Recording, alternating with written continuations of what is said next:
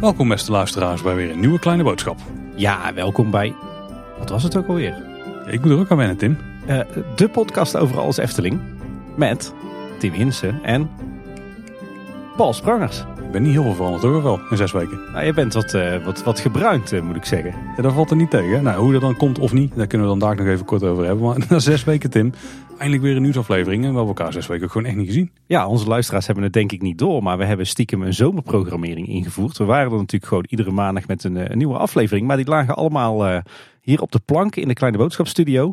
Want wij zijn inderdaad uh, ja, allebei op zomervakantie geweest. En eigenlijk na elkaar. Dus zodoende hebben wij elkaar gewoon zes weken lang uh, niet gezien.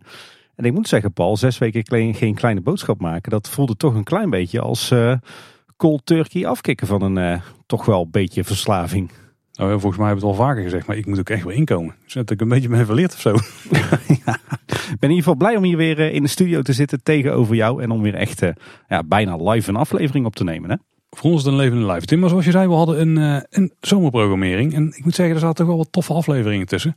Zo hadden we onder andere een, uh, Mijmer met aflevering met Domien Verschuren. En eentje met uh, Job van Tol natuurlijk, de dierverzorger uit de Artis. En we hebben het over onze favoriete ritssystemen gehad met de heren van Team Park Science.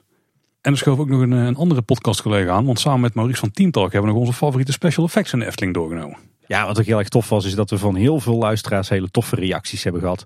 Uh, heel veel van jullie hebben de moeite genomen om uh, jullie eigen favoriete ritssystemen en speciale effecten in te sturen. Maar ook wat interessante feedback en aanvullingen. Onder meer van uh, Gietje 64 zag ik van alles van bijkomen en de Bonte Babbelaars.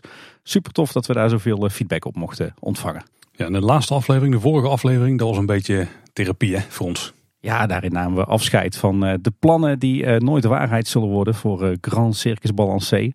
Uh, en ik moet zeggen, die kwam trouwens wel op een heel erg toepasselijk moment uit. Hè? ja, dat klopt ja. We halen misschien de follow-up een beetje naar de intro.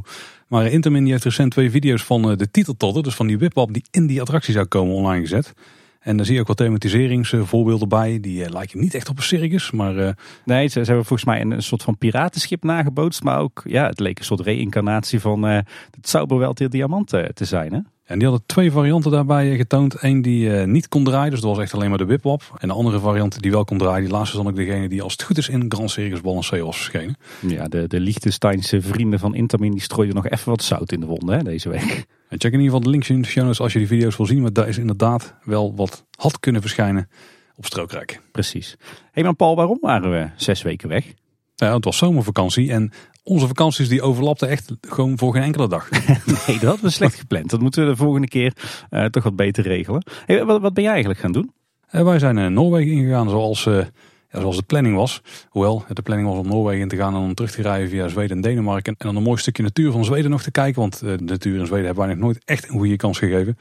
Alleen er kwam Storm Hans ook nog even een bezoekje brengen aan de Scandinavische landen. En daar heeft toch wel letterlijk water het eten gegooid? Nee, in ieder geval, daar heeft de natuur in Zweden nog niet zijn, uh, zijn revanche kunnen nemen binnen ons gezin. Oké, dus de camper gaat er nog niet uit dan? Die is al uh, naar de verkoper, ja. Oh, dat wel. die is al weg. nou, je kan de natuur in Zweden ook verkennen zonder camper. Dat, uh, daar heb ik nog wel wat tips voor. En jullie Tim, jullie zijn ook ongeveer dezelfde ook ingegaan hè? Ja, inderdaad. Het voelt voor mij alweer lang geleden. Wij zijn uh, dit jaar de eerste drie weken van de zomervakantie op pad geweest. Dus ik ben ondertussen alweer uh, drie weken aan het werken in deze mooie gemeente. Maar nee, wij zijn naar Helsinki gevlogen. Daar een paar dagen doorgebracht. En daarna de boot gepakt naar Tallinn, de hoofdstad van Estland. En daar nog een weekje doorgebracht. Ontzettend mooi. Uh, en nou, daarna nog een weekje hier in Nederland allerlei uitjes gedaan. En nog even Duitsland in oh, geweest. Dus. Wel al een voorsprong genomen op de follow-up. Niet op en dan nog dit. Hè? nee, precies. nee, laten we inderdaad aan het eind van de aflevering nog even kort hebben over, uh, over onze vakanties. Wat highlights delen bij uh, natuurlijk de rubriek en dan nog dit. En ik denk dat we wel weer een aflevering van de buitenwereld gaan maken over onze zomervakantie. Hè? Zeker. En als je het dan toch over hebt, Tim. Oh, we hebben het echt druk gehad de afgelopen tijd. Nadat we terugkwamen van vakanties in ieder geval. Want ook de Buitenwereld 13, die is online gegaan. En die gaat over jouw tripje naar Londen. Nou, dat is inmiddels echt al heel lang geleden. Tim, dat was volgens mij jouw carnavalsvluchtvakantie. ja, precies. Ja. ja, dat voelt helemaal al uh, als een eeuwigheid geleden. Maar uh, nee, heel tof. Inderdaad weer een nieuwe aflevering van onze andere podcast, De Buitenwereld. Nummertje 13. Met daarin ja, toch ook wel heel veel tips voor een reisje naar Londen. Hè? Zeker, ja. ja. En aflevering 14 van de buitenwereld, die komt ook vrij binnenkort al uit. En die is inmiddels, nou ik denk een minuut of tien geleden afgerond. Kijk, je hebt het, het editen weer lekker opgepakt na terugkeer van vakantie. En de volgende aflevering, dus de aflevering na deze, die staat ook weer klaar in de editor Tim. En dat wordt een technisch hoogstandje hoor. Ja, we gaan er weer vol gas tegenaan na de zomervakantie. op naar de 350 afleveringen. Nou ja, daar zitten we bijna aan. Ik zou bijna zeggen op naar de 400 afleveringen. Nou, misschien krijgen ze daar in Hilversum wel zwaar mee, Tim. Ja, want voordat we uh, langzaam maar zeker richting het Efteling nieuws gaan, hebben we toch wel weer een, een mooie mijlpaal te vieren. Hè? Absoluut, want in Hilversum zit het Instituut voor Beeld en Geluid. We zijn daar geweest, hè, want er was ook de podcast award uitreiking. En ja. toen liepen we daar door de chique gebouw en ik was er eigenlijk nog nooit geweest. En toen zat ik af te vragen, wat doen ze hier onder andere? Nou, ze doen er onder andere dus een uh, archief aanleggen van allerlei interessant beeld- en geluidsmateriaal. En uh, ja, Tim, Kleine Boodschap wordt er ook onderdeel van. Ja, we werden inderdaad in onze vakantie benaderd door het Instituut voor Beeld en Geluid met de vraag of, of onze podcast in hun archieven zou mogen worden opgenomen. En hebben we natuurlijk ja tegen gezegd. Dus uh, nou, nu zijn we eigenlijk lid van een select clubje van uh, nog geen 150 podcasts.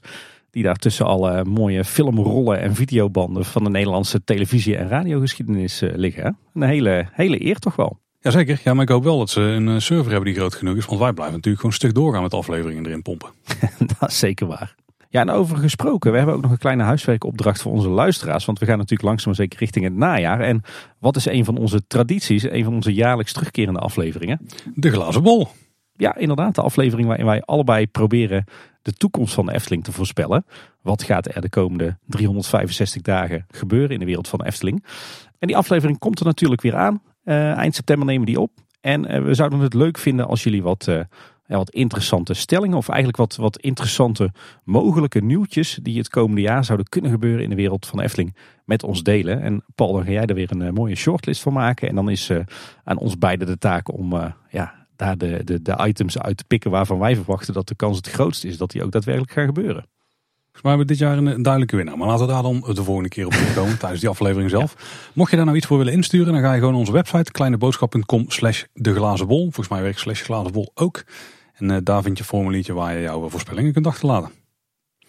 En dan zijn we er eindelijk aan toegekomen. Het nieuws doorspreken van de afgelopen zes weken rondom de Efteling. Maar we gaan eens beginnen bij het meest actieve bouwproject binnen de Efteling. Dat kan je wel stellen, ja. Zie je hoe ik het mooi inkleed? Ja, ja, ja. Het is niet het grootste bouwproject, maar wel het meest actieve. Hier gebeurt wel het meest, ja. Zeker de afgelopen dagen. In het Huiverwoud gaan we even kijken. En laten we eens beginnen met, voordat we naar de bouwwerkzaamheden zelf gaan, naar een vergunningsaanvraag die uh, is gedaan. Want die voor het koetshuis was namelijk ingediend bij de gemeente. En Eftelis is er nog achteraan gegaan en die heeft de bouwtekening opgevraagd. Ja, dat is wel interessant, hè? want dit was die vergunningsaanvraag voor de luikverkoop. Waarvan wij niet 100% zeker wisten of dit nou echt het koetshuis zou worden. Maar ja, als je dan de tekening erbij pakt, dan uh, blijkt dat wel. Ja, al is de tekening uh, aan zich niet zo heel spannend. Wordt een, een langwerpig gebouwtje met aan de achterkant een blok voor de dienstruimtes. En of dat dan binnen of buiten was, dat was niet eens heel erg duidelijk. En het langgerekte gedeelte is dan deels de verkoopruimte en deels ook voor de techniek. Dus ja, daar gaan we ook niet eens helemaal uh, iets uh, kunnen kopen. Ja, wel mooi om te zien in de, de doorsneden is dat het uh, niet zo'n unit wordt. Hè, die ze vroeger nog wel eens gebruikten voor verkooppunten. Zoals het, het, het korfje of het Tokopagode. Maar het is echt, echt wel een bouwkundig gebouw wat ze daar dus neer gaan zetten. En ja, het is, het is echt zo'n klassieke Eftelings verkooppuntje eigenlijk hè. Alleen dan natuurlijk met een, een mooie thematische ombouw die we niet terugzien in deze uh, vergunningsaanvraag, maar natuurlijk wel in de, uh, de impressies van Jeroen Vrij die we al eerder hebben gezien. En dan was nog de vraag die we de vorige keer onszelf ook stelden. Er was namelijk nog een andere vergunning ingediend. Namelijk het milieuneutraal wijzigen van een nog aan te leggen vloer van een attractie. We hadden geen idee over welke attractie dat ging. Maar die vergunning is inmiddels verleend. En daar stond een hele kleine hint bij waar dit dan over ging. Ja, bij de verleende vergunning stond ineens tussen haakjes DM. Ah, dat, zal geen direct message zijn uit uh, Twitter, maar uh, ja, waarschijnlijk toch Dans Macabre. Ja, inderdaad. Dus de, vloer die daar werd gelegd, die moest uh, nog gelegd worden, maar die gaan ze op een andere manier aanleggen. Nou. Ik denk dat dit is gegaan over de eerste verdiepingsvloer. Zeg maar de, de laatste betonvloer die we gestort ja. hebben zien worden. Dat is een goeie, ja, want die andere die is al gestort natuurlijk. Ja. Nou. En nog een ander nieuwtje wat we tegenkwamen in een van de artikelen in de reeks bij de Efteling in het Brabants Dagblad. Um, is dat minder valide niet in Dans Macabre zouden kunnen.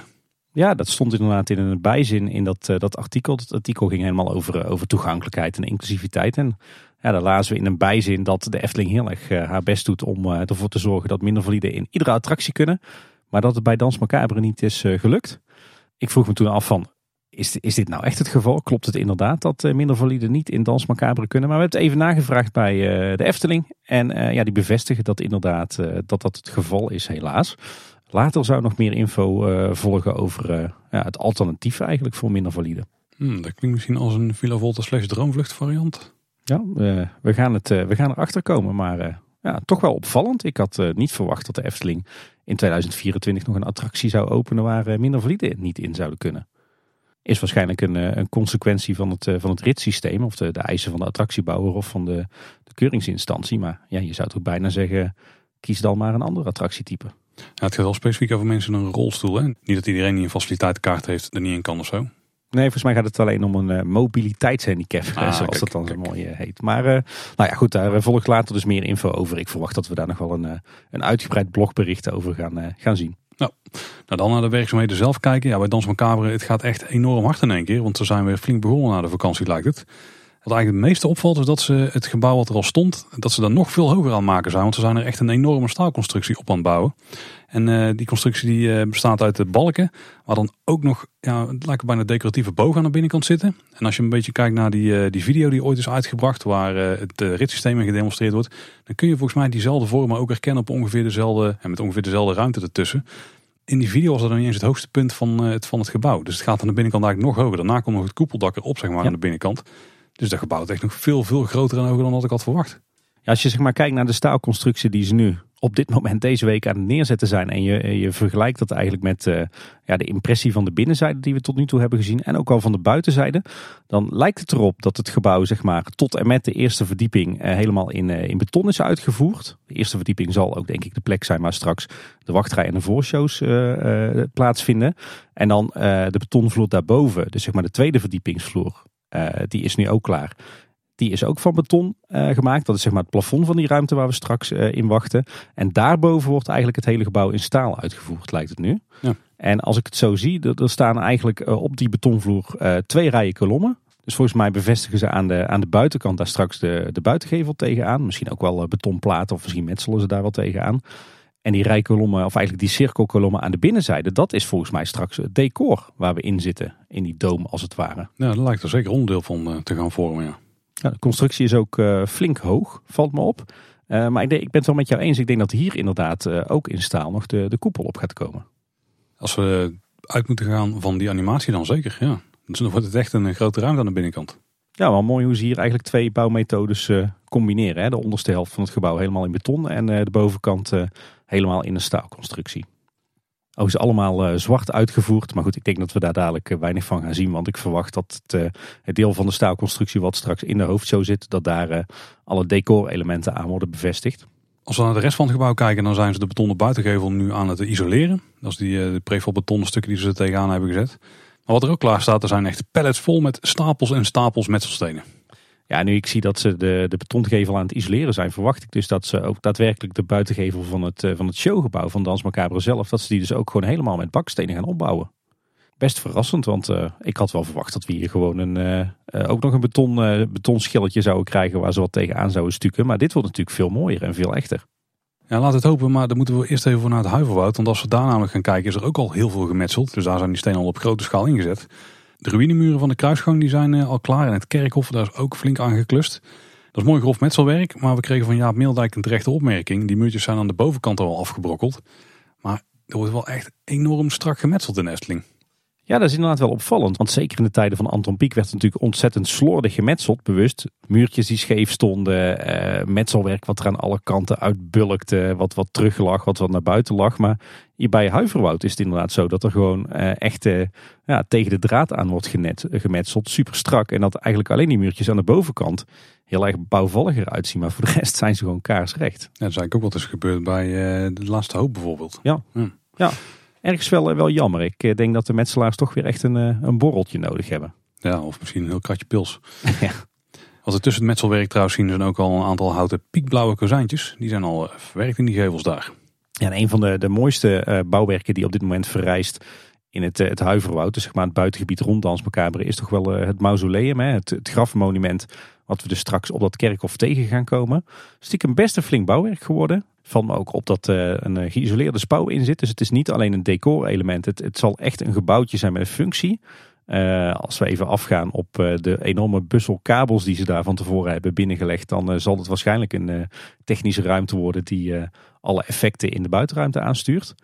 En er zitten bovenin ook wat sparingen in het, het metselwerk. Zeg maar een soort gaten die ze open hebben gelaten. Dus ik ben benieuwd of daar nog wat, wat effecten gaan komen. Of wat, wat polyester onderdelen die ze er later in verwerken. Of wat speakers of zo. Maar het, het is al echt een heel, heel gebouwtje. Er zit ook al een, een deurkozijn in. Een dakje erop wat volgens mij met, met zink bekleed gaat worden. Dus dit is een heel mooi elementje in dat buitengebied. En nu ze toch met staal bezig zijn, hebben ze ook een enorme portaal geplaatst. Die uh, ongeveer komt bij de toekomstige entree van de meandering. Metselwerk is daar al bijna op hoogte. En er zit ook een duivelskop in verwerkt. Ja, inderdaad, zo'n uh, typerende duivelskop die we op dit moment eigenlijk overal tegenkomen. Hè, in de hele signing rond, uh, rond het Huiverwoud. En natuurlijk ook op de, de impressie van Jeroen Verheij. Heel tof bouwwerk ook met inderdaad ja, die mooie ronde togen waar we straks onder doorlopen als we de attractie ingaan. Waarschijnlijk eentje voor de single rider line en de andere voor de, de family lane. Trouwens, die gevelstenen met uh, onder andere van die duivelskoppen erop, maar nog heel veel andere tekens. Die liggen nu echt in grote getalen klaar op het, uh, is het rangeerterrein niet echt aan, maar het pad wat zo langs Piranha ligt. Ja, de bouwweg eigenlijk. Ja. En dus uh, die gaan we op heel veel plekken zien verschijnen in het gebied. Ja, er wordt uh, flink gemetseld op dit moment. Ik denk dat het, uh, het zwaartepunt de afgelopen weken met name dus uh, op het buitengebied en de meandering lag. Daar is echt enorm veel, veel opgemetseld aan, aan ruïnes en muurtjes en dergelijke. En waarschijnlijk zal die metselploeg binnenkort overspringen naar het, showgebouw. En bij In een Zwarte Kat, daar was het bord aan de buitenkant, het uithangbord verdwenen. Maar die is inmiddels weer terug en hangt hopelijk weer stevig vast. En mocht je nou in de Zwarte Kat nog niet hebben kunnen bezoeken, misschien omdat je te ver van de Efteling vandaan woont, maar wil je wel zo'n ketelkoek nou proeven, dat kan, want Wonderdepot heeft het recept online gezet. Dus uh, ja, check het linkje in de show notes om uh, zelf aan de gang te gaan met, uh, ik weet eigenlijk niet wat de ingrediënten zijn, maar met het materiaal wat je nodig hebt om zo'n ketelkoek te klussen. Ja, ik heb eh, van de week nog even gauw een eh, ketelkoek uh, meegegrist. Even een holle kies geduid. Ja, ja, ja. Viel me trouwens op, wat het de vorige keer over dat, dat als je afrekent bij de Zwarte Kat, dat je dan eerst een knopje in moet drukken voor abonnementhouderskorting. Maar dat mhm. blijkt helemaal niet het geval. Je kan gewoon, terwijl je je artikelen scant, ook tussendoor gewoon je abonnement scannen. Net als eigenlijk je bonuskaart bij de, de zelfscankassa in Albert Heijn. En dan gooit hij er automatisch meteen abonnementhouderskorting overheen. Hoppatee, scheelt er een tikkie. als een tikkie op het scherm. ja, precies. En dat andere bouwproject in wat toch wel redelijk stil heeft gelegen de afgelopen weken. Nou, nou. Ho, ho, rustig. Redelijk stil, bezwaar. redelijk stil heeft gelegen. Het Efteling Grand Hotel. Uh, Fons Jurgens heeft in een videoboodschap aan het personeel ook uitgelegd waarom de werkzaamheden op de bouwplaats nou stil leken te liggen. Hij zei daarbij, bij het Efteling Grand Hotel lijkt het de laatste tijd weinig te gebeuren, maar niets is minder waar. Wat we hier voor het eerst doen is een complete gevel op een andere locatie opmetselen. Alle bakstenen worden in een vooraf ontworpen patroon op de gevelplaten gemetseld en daar wordt op een andere plek al een hele tijd aan gewerkt. Voordeel hiervan is dat we het hotel straks veel sneller vorm kunnen geven. Ja, eindelijk wat meer informatie over uh, de bouwmethode van het Efteling Grand Hotel. En opvallend, het uh, hotel krijgt niet alleen een uh, prefab betonnen constructie, wat we wel hadden zien aankomen gezien de grootte van het gebouw en, en ook de bouwtekeningen die bij de vergunningsaanvraag zaten. Maar dus ook de, de buitengevels die we straks gaan zien, de thematische buitengevels, die worden op dit moment dus in een fabriekshal geprefabriceerd. Dat eh, vind ik wel eh, opvallend. First zijn voor de Efteling was er bij Ravelijn ook? Nee, bij, bij Ravelijn eh, was, was de betonconstructie van het gebouw inderdaad ook helemaal prefab. Maar natuurlijk niet, niet de buitengevels, die zijn daar gewoon opgemetseld. Ik geloof dat de buitengevels van het Loonse Landhotel ook prefab zijn. Op zich een, een hele slimme bouwwijze. Want het voordeel van prefab buitengevels is dat je die op je gemak kunt maken in een fabriekshal met, met goede condities. Daar is het natuurlijk nooit koud en daar regent het nooit moet zeggen, ik vind het een hele goede techniek voor moderne gevels. Je hebt ook ontzettend veel gave voorbeelden van hele mooie prefab eh, buitengevels. Maar ik heb er zo mijn twijfels bij hoe dat gaat uitpakken met, eh, met klassiek metselwerk of, of stukwerk. Want ja, je moet het dan echt zo voor je zien dat er dus gewoon een, eh, een, een plaat ligt. Waarschijnlijk een dunne betonnen plaat waar ze in de fabriek op gaan metselen. Of misschien zelfs wel sierstrips op gaan plakken. En dat worden dan straks allemaal puzzelstukjes die ze buiten tegen de gevels van het hotel aan gaan plakken als het ware. Of die schroeven ze eigenlijk vast. En dan eh, de naden tussen die elementen, die worden meestal afgekit. Nou ja, als je een hele moderne gevel hebt, dan kan dat nog wel. Maar ik vraag me echt eh, heel erg af hoe dat eruit gaat zien met een uh, klassieke Jugendstil gevel. ik denk dat we het gewoon moeten afwachten. Want volgens mij zijn er wel mogelijkheden waarbij je die naden vrij onzichtbaar kunt hebben. Als je daar gewoon een, uh, klinkt heel onderbiedig, maar een afdeklatje overheen legt. Of gewoon een mooie gevormde, weet je wel, dat je, de, dat je het gros van de gevel prefab maakt. Maar dat je dan hetgeen wat over de nadeen ligt, dat je dat dan nog een los naar de rand bevestigt of zo. Ja, dat je daar dan als het ware een soort natuurstenen elementen op plakt of zo, als het ware. Ik weet niet helemaal hoe ze dat dan zouden kunnen doen, maar er zijn wel mogelijkheden voor. Dan zou het wel moeten kunnen natuurlijk. Ja, ik ben heel benieuwd. Ik hoop dat ze daar inderdaad eh, heel wat eh, aandacht aan hebben besteed. Want ja, het kan heel mooi zijn, prefab uh, buitengevels, maar... ja, met name de naden en het, het kitwerk en ook de veroudering van zulke soort e- elementen. Het, het ziet er toch al gauw uh, ja, een beetje nep uit. En dat maakt natuurlijk niet uit als je een hele mooie, strakke, moderne gevel hebt. Maar als het een gevel is van metselwerk of stukwerk met Eftelingse scheuren, dan, uh, dan ben ik toch wel benieuwd. Ik geef ze het voordeel van de twijfel. We, gaan het zien. Het is in ieder geval een hele slimme methode. Want ja, het, het, leek er dus op dat de bouw een heel aantal maanden stil heeft gelegen. Maar in werkelijkheid werd er dus gewoon in een uh, betonfabriek keihard gewerkt aan zowel de betonconstructie als de buitengevels. En die kunnen ze straks dus in het veld in één keer neerzetten. Of nou ja, in één keer. Het is als het ware gewoon een, een puzzel. Je bouwt het natuurlijk per, per verdieping op. En je zet eerst de prefab constructie neer. En dan vanaf een bepaald moment ga je ook de, de gevelelementen er tegen aanschroeven voelt toch wel een beetje als een planning missen. Want juist als je al die prefab werkzaamheden doet op een andere locatie, had je het hotel zelf. Ja, dat, dat zal of veel later kunnen beginnen, zeg maar. Of ze zijn veel te laat begonnen met al die prefab elementen klussen. Want die als ik al twee maanden geleden klaar kunnen hebben, als ze meteen door kunnen gaan. Ja, idealiter zorg je er inderdaad voor dat op het moment dat, uh, dat de begane grondvloer uh, klaar is en uitgehard, dat je dan meteen door kan met je prefab beton. Ja. In ieder geval, als het goed is Tim, dan zouden in september 2023 weer de werkzaamheden op volle toeren moeten gaan starten daar. Dus dan zien we hopelijk al de eerste prefab betondelen verschijnen. En laten we wel wezen, dat is al over een week. Het grote voordeel van werken met prefab beton is dus als je het eenmaal op een externe locatie gemaakt hebt en je voert het aan met de vrachtwagen en je hangt het in de kraan, dat je echt in een mum van tijd zo'n gebouw op hebt gebouwd. Ja, dat gaat hard ja. Mocht je nou bij het Efteling Grand Hotel willen gaan werken, ze zijn al bezig met eh, personeel daarvoor ronselen. Efteling heeft namelijk een eh, interessante vacature uitgezet. Hotelmanager Efteling Grand Hotel. Nou, dan ben je gewoon de, de verantwoordelijke voor het hotel. En volgens de omschrijving zoeken ze een gastgerichte ondernemer met passie voor de hotellerie. Die graag op projectmatige basis werkt aan de opening en lancering van het nieuwe Efteling Grand Hotel. Tim, ik denk dat ik de perfecte man voor deze job heb gevonden. Ja, ik zie dat je het eh, erbij hebt gezet in het draaiboek inderdaad, ja. Ja, ik ook. En ik geloof dat hij net zijn hotel eh, heeft verkocht wat hij heeft opgebouwd, toch? Het is bijna qua timing te mooi om waar te zijn, hè? Ja, ik eh, zou zeggen, Koen Schelvorst eh, is je man. Komt er maar in, ja. Koen kon een van de eerdere afleveringen van de Kleine Boodschap horen. Die heeft eh, jaren bij de Efteling gewerkt, onder andere Bosrijk mee opgezet. En die is toen weggegaan bij de Efteling om zijn eigen hotel te beginnen. Het Guesthouse Hotel, wat we ook regelmatig aanhalen. Maar dat heeft hij inmiddels van hand gedaan. Dus Koen heeft tijd. Dit zou een schitterende vervolgstap zijn, toch? Of in ieder geval een tussenstap, want het is projectmatige basis. Ja. ja. Nou Koen, als je luistert, Efteling.com slash vacatures of zo. of bel gewoon iemand die je nog kent in de organisatie. Ik denk dat dat ook goed komt. Precies. Hey, maar eh, op zich zijn we natuurlijk meestal niet zo van het vacature delen. Dat is trouwens niet waar. Maar eh, in dit geval, eh, de, de reden waarom we dit aanhalen is even los van het feit dat dus het proces gaat lopen dat men medewerkers gaat werven voor het hotel. Is er ook een aantal interessante dingen teruglezen in de vacature. wat lezen we onder andere? Het Efteling Grand Hotel wordt een luxe boutique hotel met 140 kamers, 680 bedden, twee restaurants een koffiebar en een zwembad. En hier halen we toch een aantal ja, interessante dingen uit. Namelijk, het wordt een boutique hotel. Volgens mij hebben we dat uh, nog nooit eerder uh, zo gehoord. Ik heb even opgezocht, wat is dat nou, een boutique hotel? Uh, het is meestal een kleinschalig hotel. Nou, daar is in dit geval geen sprake Mislukt. van. Maar met een luxueuze, eigenzinnige, maar ook intieme sfeer. Dat kan ik me wel voorstellen als we de, de kamer uh, plattegronden zo een beetje zagen. Nou, laten we hopen dat, uh, dat dat ook de ambitie is. En ja, waar ik ontzettend blij en gelukkig uh, van werd, bijna extatisch, is dat er een koffiebar gaat komen in het Efteling Hotel. en die is dan ook beschikbaar. Tenminste, ervan uitgaan dat die in het lobbygedeelte zit, want daar ga ik voor het gemak dan vanuit. Als het park dicht is, Tim, ja. je naar een Eftelingse koffiebar. Ik weet één ding wel, ik heb mijn nieuwe thuiswerkplek gevonden. ja, best gunstige afstand ook. Ga gewoon voor, het, eh, voor de gemeente werken in de koffiebar van het Efteling Grand Hotel. Ja. En verder leren we ook uit de vacature dat eh, er circa 280 medewerkers gaan werken bij het Efteling Grand Hotel. Dat zijn er flink wat. En die vacature zou dan gelden voor een periode van twee jaar. Salaris noemen ze overigens niet, startdatum ook niet. Maar er viel nog wel meer dingen op, Tim. Want jij eh, leest net het aantal kamers voor, 140.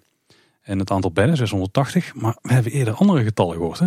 Ja, inderdaad. Er zouden 143 kamers komen in het Efteling Grand Hotel en circa 700 bedden. Nou zou dit natuurlijk gewoon een, een afronding kunnen zijn. Maar het zou ook zomaar kunnen zijn dat er eh, een aantal kamers en bedden zijn geschrapt. Ja, misschien wat dingen zijn samengevoegd. Misschien hebben ze wel een paar luxe suites nu uh, in de planning zitten. Ik kom wel proefslapen hoor. Uh, ja, dat is goed. Nodig ons maar uit. nou, ik hoop in ieder geval dat we binnenkort weer eens wat meer informatie over het Efteling Grand Hotel gaan krijgen. Ik, ik vermoed dat de start van het opbouwen van het, het prefab beton uh, van de constructie van het hotel. Dat het wel een uh, momentje zou kunnen zijn waarop we weer wat meer uh, info krijgen. Ik moest trouwens wel lachen. Ik was naar vacatures aan het speuren. En toen kwam dus deze voor hotelmanager voorbij.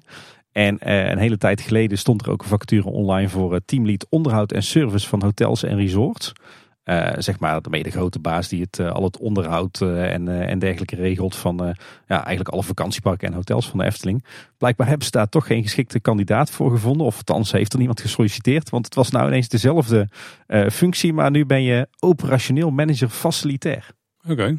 Klinkt ineens een stuk eh, interessanter, toch? Ja, nou, die andere vacaturetitel was ook wel vrij lang. ja. Hopelijk eh, vinden ze daar een eh, geschikte kandidaat voor. Want die gaat natuurlijk straks ook verantwoordelijk zijn voor alle reparaties en onderhoud in het Efteling Grand Hotel. Ik denk, er is een afgelopen week nou echt helemaal niks gebeurd aan het Efteling Grand Hotel in het park zelf. Nou, dat is dus niet helemaal waar. Want er is stukje nog wel het een en ander gebeurd in de vakantieperiode. En het viel me op dat er aan het begin van de zomerperiode hier en daar nog wat betonnen funderingen zijn gestort. Uh, niet op kelderniveau, want die kelder was natuurlijk al af, maar met name op het, het maaiveldniveau. Ik denk waarschijnlijk voor, voor aanbouwen van het hoofdgebouw of om de luifels op te ondersteunen of, of wat elementen in de terreininrichting, een muurtje hier of daar. Dus ze hebben echt alles wat ze nog konden afronden aan betonwerk, eh, hebben ze afgerond. En daarna hebben ze al het grondwerk netjes aangevuld rond het hotel en rond die nieuwe funderingen. Echt strak afgewerkt en goed verdicht. Uh, met puin, Waarschijnlijk eh, als voorbereiding op het monteren van die uh, prefab betonnen constructie en de gevel straks. Want ja, je kan je voorstellen, daar komen enorm veel vrachtwagens voor op de bouwplaats die zwaar beladen zijn. Uh, en waarschijnlijk ook een hele grote kraan. Dus ja, dan is het natuurlijk heel erg belangrijk dat die niet wegzakt op de bouwplaats, maar dat die goed gefundeerd staat. En ja, het lijkt erop dat ze alles in gereedheid aan het brengen zijn om heel snel te beginnen met ja, die zware transportwerkzaamheden. En nog iets anders wat me opviel. Deze week stond er een aantal keer een vrachtwagen van een bedrijf dat dekvloeren aanbrengt. dat is interessant, want die breng je meestal pas aan als je in de afbouwfase zit. Ehm, moest toch even achter mijn oren krabben van wat is hier dan aan de hand. Maar het zou zomaar eens kunnen dat ze in de kelder al bezig zijn met wat afbouw. En dan zijn ze al best wel een eindje, want meestal is de werkvolgorde zo dat je, als je bijvoorbeeld nou, normaal een dwarsstraat een, een zwembad aanlegt met allerlei kleedkamers en toiletten, dat je eerst de wandtegeltjes aanbrengt dan de vloerverwarming en dat je dan de, de dekvloer erin smeert. Uh, en daar was dit bedrijf voor. Dus nou, wie weet dat we in de kelder van het Efteling Grand Hotel al wel uh, in de afbouwfase zitten van uh, de sanitaire ruimtes.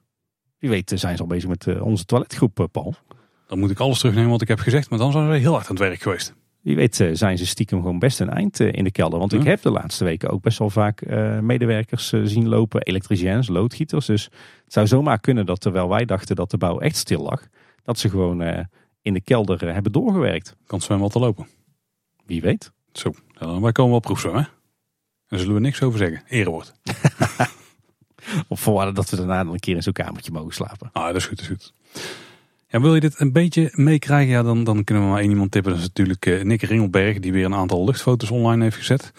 Uh, ik denk dat hij binnenkort wel vaker de lucht in gaat als daar uh, ook wat muurtjes de lucht in gaan. Dus dan nou, blijft hij in ieder geval volgen op alle social media kanalen. En als je het eh, hotel nou in iets meer detail alvast wil gaan bekijken, dat kan. Want uh, Koshira, luisteraar, maar ook fanatiek twitteraar, die heeft een 3D-model gemaakt. Ziet er echt enorm goed uit. En daar kun je het al in best wel wat detail checken. Ja, hij heeft ook heel veel aandacht besteed aan de materialisering. Hè? Koshira is trouwens ook, ook hofleverancier van nieuwtjes voor onze nieuwsafleveringen. Ik check in ieder geval ook dat linkje in de show notes. Ja, en iets wat ik nog voorbij zag komen was een blogbericht van Disneyland Parijs. Uh, je zal misschien denken, wat doet dat nou in een nieuwsaflevering van Kleine Boodschap? Maar dat was een, eh, een blogbericht over de nieuwe kostuums voor het uh, Disneyland Hotel. Wat natuurlijk op dit moment gerenoveerd wordt. prachtige foto's van echt fantastische nieuwe kostuums voor het hotelpersoneel daar. En ik moet zeggen, ik hoop toch stiekem wel dat wij in het Efteling Grand Hotel toch ook zo'n soort kledinglijn gaan krijgen hoor. Zo mooi in dat sfeertje van rond 1900. Je moet maar eens kijken. Ik, ik heb ook hier een linkje van in de show notes gezet. En nou, ik, ik hoop toch dat dit inspiratie wordt voor het kostuumatelier. Ik zou het ook wel zien zitten. Ja, ziet er goed uit. Ik neem dan naar de zomer Efteling. Ja, of in ieder geval naar de zomer Efteling. We zitten inmiddels in de start van de zomer Efteling, want die is bijna voorbij. De grote nieuwigheden dit jaar waren natuurlijk het zomerstrand en het Ruigrijk-podium. En die gaan de komende zomers ook terugkeren. Dus daar lijkt het op, want dat konden we horen in de Loopings podcast en een interview met Bjorn Bergers. Dat is de man achter Create, die, uh, die verantwoordelijk was voor een, eh, aantal decoratieve elementen in het zomerstrand, maar ook het hele podium in het Ruikrijk. Dus ik stel me zomaar voor dat we die in de toekomst terug gaan zien, met misschien nog een paar toevoegingen erbij. Ja. Ja, sowieso in de Efteling. Alles wat ze uitproberen is eerst voor drie jaar. Hè? Dus we gaan sowieso drie keer het zomerstrand voorbij zien komen. Ik ben er eigenlijk wel blij mee. Want ik moet zeggen dat zowel het zomerstrand als het Ruikrijk podium dit jaar wel de twee favorieten waren bij mijn kinderen. Uh, ik doe daar nog wel even een kleine terugblik in. Oh, dan ben ik eigenlijk uh, wel benieuwd, Paul. Wat, wat, vond jij dan van de, de zomer Efteling dit jaar? Misschien ligt dat meer aan ons, maar ik ben denk ik in één keer naar de Efteling zelf geweest. Echt, ja, oké, de allereerste dag dat, die, dat het uh, zomer was, om gewoon te kijken wat er allemaal was aan nieuwigheden. Maar ik ben daarna eigenlijk geen één keer naar het park geweest met de intentie om een van die dingen ook echt te gaan bezoeken. Dat, dat was nooit de reden van het bezoek, zeg maar. Terwijl ik in het verleden, ja, misschien vorig jaar dan niet, maar in de jaren ervoor wel, toch altijd had van, oh ja, we gaan naar de en dan gaan we bij dat plaatje kijken en dan gaan we daar eens even kijken wat er aan de hand is. Maar dat, dat was eigenlijk helemaal niet dit jaar. En enig idee waar dat dan door komt? Ja, nou misschien ook omdat we niet eens zo heel vaak zijn geweest. Ik denk dat we misschien maar vier keer naar de zomer Efteling zijn geweest. vakantie was gewoon vrij lang.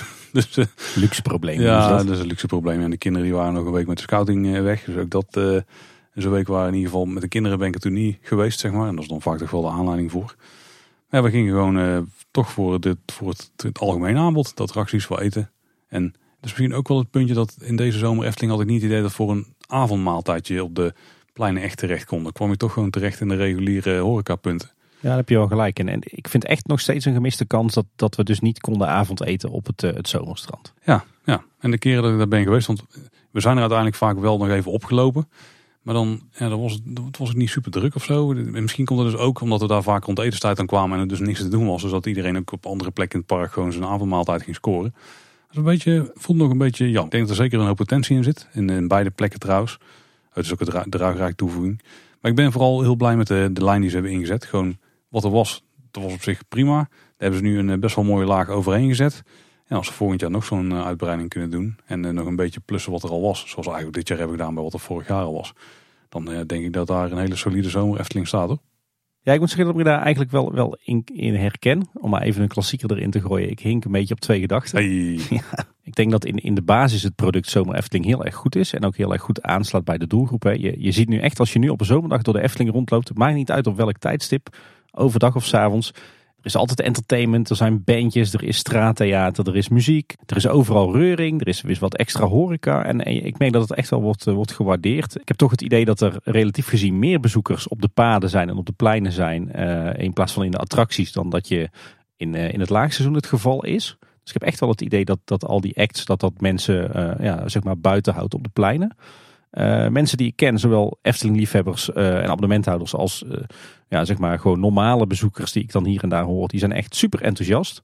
Ehm, ook buitenlandse bezoekers vallen me op als ik naar, naar vlogs kijk en, en op social media wat reacties voorbij ziet komen. Mensen die, die prijzen echt het feit dat er gewoon de hele dag door, zeven dagen in de week, uh, op heel veel plekken in het park straattheater is. En af en toe best wel indrukwekkend. Denk bijvoorbeeld aan, uh, aan Gin.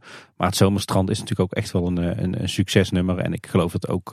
En ook het, het bandje bij, bij Max Moritz, doen het heel goed. Dus ik, ik denk dat bij de doelgroep, hè, gewoon de, de gezinnetjes met kinderen, de, de, de normale bezoeker en de abonnementhouder. Dat, dat de Zomer Efteling daar ja, goed bij valt. En dat het ook echt wel een, een succesnummer is. Wat jij zegt is wel een mooi, ja, dat een hoop mensen op de paden en pleinen houdt.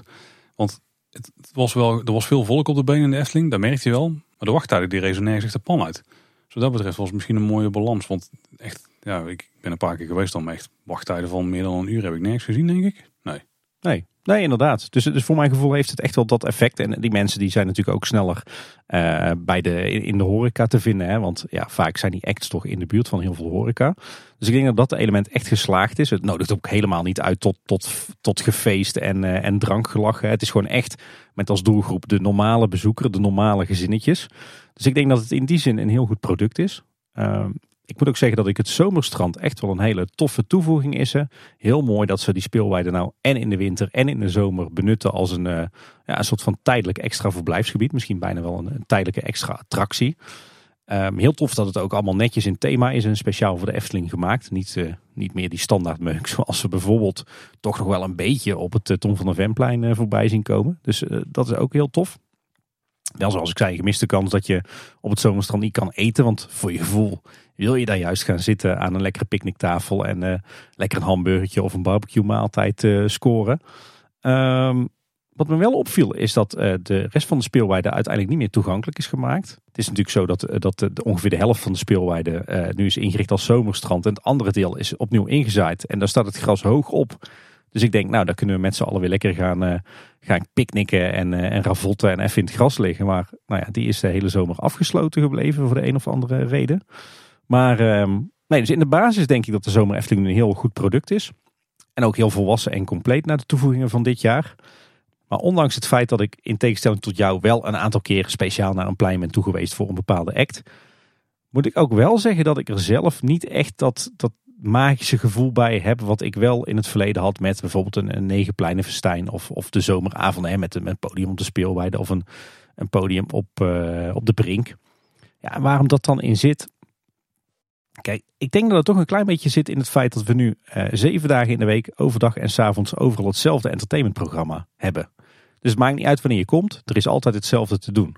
Mm, en voorheen was het natuurlijk zo dat ja, je moest naar die zaterdagavonden. Hè? Ik heb jaren, jaren, jarenlang, nou, ik denk vijf, zes zaterdagavonden dat ik echt in de Efteling was. En die andere zaterdagavonden dan waren we op vakantie. Maar je was iedere zaterdagavond in de Efteling, want dan gebeurde het. Dan was er het extra entertainment, dan waren er de optredens. Dan uh, liepen alle fans liepen in de Efteling. Dan was er wat te doen. Um, en ja, nu is het natuurlijk de zaterdagavond dezelfde avond als iedere andere avond. En ja, ik merk dat ik daardoor het gevoel mis van, ja, daar moet je bij zijn. Weet je wel, ik bedoel, ik, ik mis op dit moment bijvoorbeeld echt een, een, een aanleiding om een keer s'avonds naar de Efteling te gaan. Kijk, we hebben natuurlijk jonge kinderen. Dus als je nou, na een uur of acht nog de Efteling in, in wil, dan moet je toch oppas regelen. Nou, voor Negenpleinenfestijn deed je dat, want dat was die feestavond. Maar ja, aangezien nu al het, al het extra entertainment, alle extra festiviteiten de hele week door uh, te vinden zijn in het park. Ja, heb je niet echt een aanleiding om nog meer s'avonds naar het park te gaan. Dus ja, ik meen dat ik dat, gevoel toch wel mis. Uh, die, die, die paar feestavonden in de zomer. Maar tegelijkertijd besef ik ook wel dat de doelgroep van dat soort avonden natuurlijk vooral de abonnementhouders, de kaatsheuvelnaren, de Efteling-fans zijn. En, niet per se uh, de normale bezoeker, de normale gezinnetjes. En de Efteling heeft natuurlijk bewust die keuze gemaakt om juist het zomerevenement op te zetten voor de normale bezoekers. En dat snap ik. Maar ja, dat, dat zorgt er inderdaad voor dat ik minder urgentie voel om s'avonds in de Efteling rond te lopen in de zomer. Met als gevolg dat ik dus deze zomer geen enkele keer s'avonds in de Efteling ben geweest. Ik heb de Efteling niet in het donker gezien. Ja, op zich is dan het doel van de Efteling is waarschijnlijk wel gewoon behaald. Want ja, ik denk dat ze juist die spreiding van mensen willen en niet die concentratie op zaterdag. Uh, ik heb de Efteling wel in donker gezien, Tim. Zelfs sterker nog, gisteravond. tot, met de oudste zijn, ben ik tot, ja, gewoon tot na Aquanura en de Efteling geweest. En de Efteling in een donker, Tim, is toch wel de moeite. Ja, dat, dat, weet ik, dat weet ik. Maar goed, de kinderen die, eh, die proberen meestal toch rond een uurtje of acht in bed te hebben. Dus ja, dan moet je toch oppas gaan regelen. En ja, we eigenlijk heel de zomer tegen elkaar gezegd, ja, ach, de Efteling in het donker, dat kunnen we ook van de winter zien. En dan kunnen de kinderen er gewoon bij zijn. Dus uh, ik denk dat dit toch echt een, ja, een gevalletje is. Is wat is de doelgroep en vallen we binnen die doelgroep? Ja, aan de ene kant wel, maar ja, ik mis ergens die feestavonden toch ook wel. En ik denk met ons velen. Dus ja, misschien zit er toch toekomst in. Uh, een of ander hardticket event waarbij we een aantal avonden in het jaar... Uh, ja, wel weer een beetje dat gevoel van het Negenpleinenfestijn of het uh, Midzomernacht hebben. Maar goed, ik denk in de basis dat de Zomer Efteling een heel goed, volwassen, compleet product is voor, voor de doelgroep. En dat ze het, het goed voor elkaar hebben. En dat ja, wij gewoon vanuit een stukje nostalgie die feestavonden missen. Nou, je hebt altijd nog gewoon eh, de reguliere festivals waar je heen kan. Hè? Dat sowieso, maar wat zou nou mooier zijn dan een festival, sfeervol festival in de Efteling? En een nieuwe grote attractie op Strookrijk. Het een sluit het eh, andere niet uit. Hè? En, dat is wel waar, dat is wel waar. Laten we hopen dat de Efteling toch weer hardticket events gaat ontwikkelen. Alhoewel, we hebben natuurlijk oud en nieuw in de Efteling. Dus ja, daar laten ze, laten ze zien dat ze het goed kunnen. Hey, er was een eh, interview met Fonds in het Financieel Dagblad op eh, woensdag 26 augustus. En die is interessant om even door te nemen, want er stonden een paar eh, opvallende zaken op. De titel was Efteling pakt na coronavertraging de gedroomde uitbreiding weer op. Nou, dan zijn wij natuurlijk getriggerd. Het grootste deel van het verhaal was voor ons bekend. Het ging over corona, uitstel van de plannen, stikstofcrisis. Nou, we kennen het allemaal wel, onderwerpen die wij veelvuldig bespreken. De langspeelplaat van Fonds. Ja, maar hij deed daarbij wel een verband leggen tussen al die ontwikkelingen en de vertraging bij de bouw van het Efteling Grand Hotel. Maar hij bevestigt alsnog dat het hotel in 2024 open gaat. Waar je vreest daar op een gegeven moment een beetje voor door eh, de mogelijke vertraging. Nou ja, het feit dat ze er nu voor kiezen om alles eh, in prefab uit te voeren, zowel de constructie als de gevels, is toch wel weer hoopgevend. Want daar kunnen ze dadelijk wel een flinke inhaalslag mee maken hoor. Maar dat zal vooraf wel bedacht zijn toch? Je kunt er in één keer al die capaciteit inkopen ergens. Nou ja, er is ergens een punt in het ontwerpproces. En wanneer je jezelf gaat afvragen, hoe gaan we dit nu bouwen? En dat kan je je tijdens het ontwerpproces afvragen. Maar het kan ook zomaar zijn dat ze dat, uh, dat, ze dat samen met de aannemer zijn gaan uitwerken. Dus mm, hm. op zich kan, kan dat punt waarin je de bouwmethode kiest, uh, kan op heel veel plekken in je bouwproces uh, liggen. Oké. Nou, er was in ieder geval veel aandacht en er waren mooie woorden voor ons als trouwe abonnementhouders en de fans. Ja, mooi dat we zo gewaardeerd worden en dat dat zelfs het Financieel Dagblad haalt. Maar nu de echt interessante dingen, Tim. Want de oostelijke uitbreiding kwam ter sprake, wat wij natuurlijk strookrijk noemen. En Fonti noemde daar een jaartal bij waarbij ze op zijn vroegst aan de slag zouden gaan. En hij verwachtte dat het 2027 zou zijn. Hmm, dat is nog een paar jaartjes wachten weer. Het voelt wel alsof er nog iets uh, tussendoor zou mogen komen. Hij meldde ook, want hij heeft goed kleine boodschap in de gaten gehouden denk ik, dat dat de plek is waar de hoogste attractie van de Efteling zou kunnen gaan verschijnen. Of zou mogen gaan verschijnen is het eigenlijk. Interessant, want volgens mij was Strookrijk toch in een noordelijk en een zuidelijk deel uh, verdeeld. Dus een reisrijke uitbreiding en een ruigrijk uitbreiding. En de hoogste attractie mocht toch aan de kant van Ruigrijk komen? Ja, aan de zuidelijke kant van het gebied, ja. ja. Terwijl uh, Grand Circus Balancé was natuurlijk in de noordkant. Oh, dus jij wil zeggen dat misschien de uitbreiding die nu op uh, de stapel ligt, dat die juist voor het zuiden is? Ja, dat zou kunnen. Een goeie. En de westelijke uitbreiding, daar werd ook in één keer een datum aangehangen. De westelijke uitbreiding is natuurlijk waar nou, onder andere het gebied waar nu de zonnepanelen zijn, het zonnepark wordt gebouwd. Maar alles wat daar natuurlijk ten oosten van ligt ook. B2 bijvoorbeeld. Ja, ja. en daar zouden ze op zijn vroegst in 2030 beginnen. Vind ik aan de vroege kant. Ik had voor mezelf in mijn hoofd zo'n idee van... ze bouwen eerst de hele oostkant van het park vol... en als ze daar klaar zijn gaan ze pas naar het westen. En ligt er misschien aan wat ze daar gaan bouwen. Hè? Want er wordt gesproken over nieuwe attracties en parkeergelegenheid. Nou kan een attractie natuurlijk ook bijvoorbeeld een zwembad zijn met een hotel erbij. Want dat mag ook binnen het bestemmingsplan op zo'n plek komen. Kijk, ja. als je zo'n uitbreiding gaat doen, dan kan ik me voorstellen dat het wel rond die tijd daar al gaat verschijnen. Ja. Maar dan moet er al wel een groter masterplan zijn als ze nog iets van een tweede park, parkuitbreiding, wat het dan ook mag gaan worden, gaan doen. Ja, ik, ik heb het gevoel dat ze met name eh, in die oostelijke uitbreiding dus attracties gaan bouwen. Aan de, aan de oostkant kunnen ze natuurlijk het park eh, heel makkelijk uitbreiden door strookrijk gewoon bij het park te trekken. Uh, ik denk aan de westkant dat ze zich daar voorlopig misschien toch gaan focussen op het parkeren inderdaad. Want ja, daar, daar, zijn ze natuurlijk de afgelopen jaren al aardig mee aan het, het, schuiven. En we zagen in het bestemmingsplan, in de onderbouwing daarvan, dat het ook heel erg focuste op infrastructuur en parkeren. En misschien ook wel op verblijf, want ze hebben natuurlijk zo'n zone tussen de Eftelingse straat en het golfpark die helemaal bestemd is voor verblijf. Terwijl ja, uitbreiding attractiepark aan het westen, het mag volgens het bestemmingsplan. Maar dat is toch een hele lastige. Want je kunt natuurlijk niet aan de westkant van het Eftelingpark zomaar een stuk eraan vast plakken.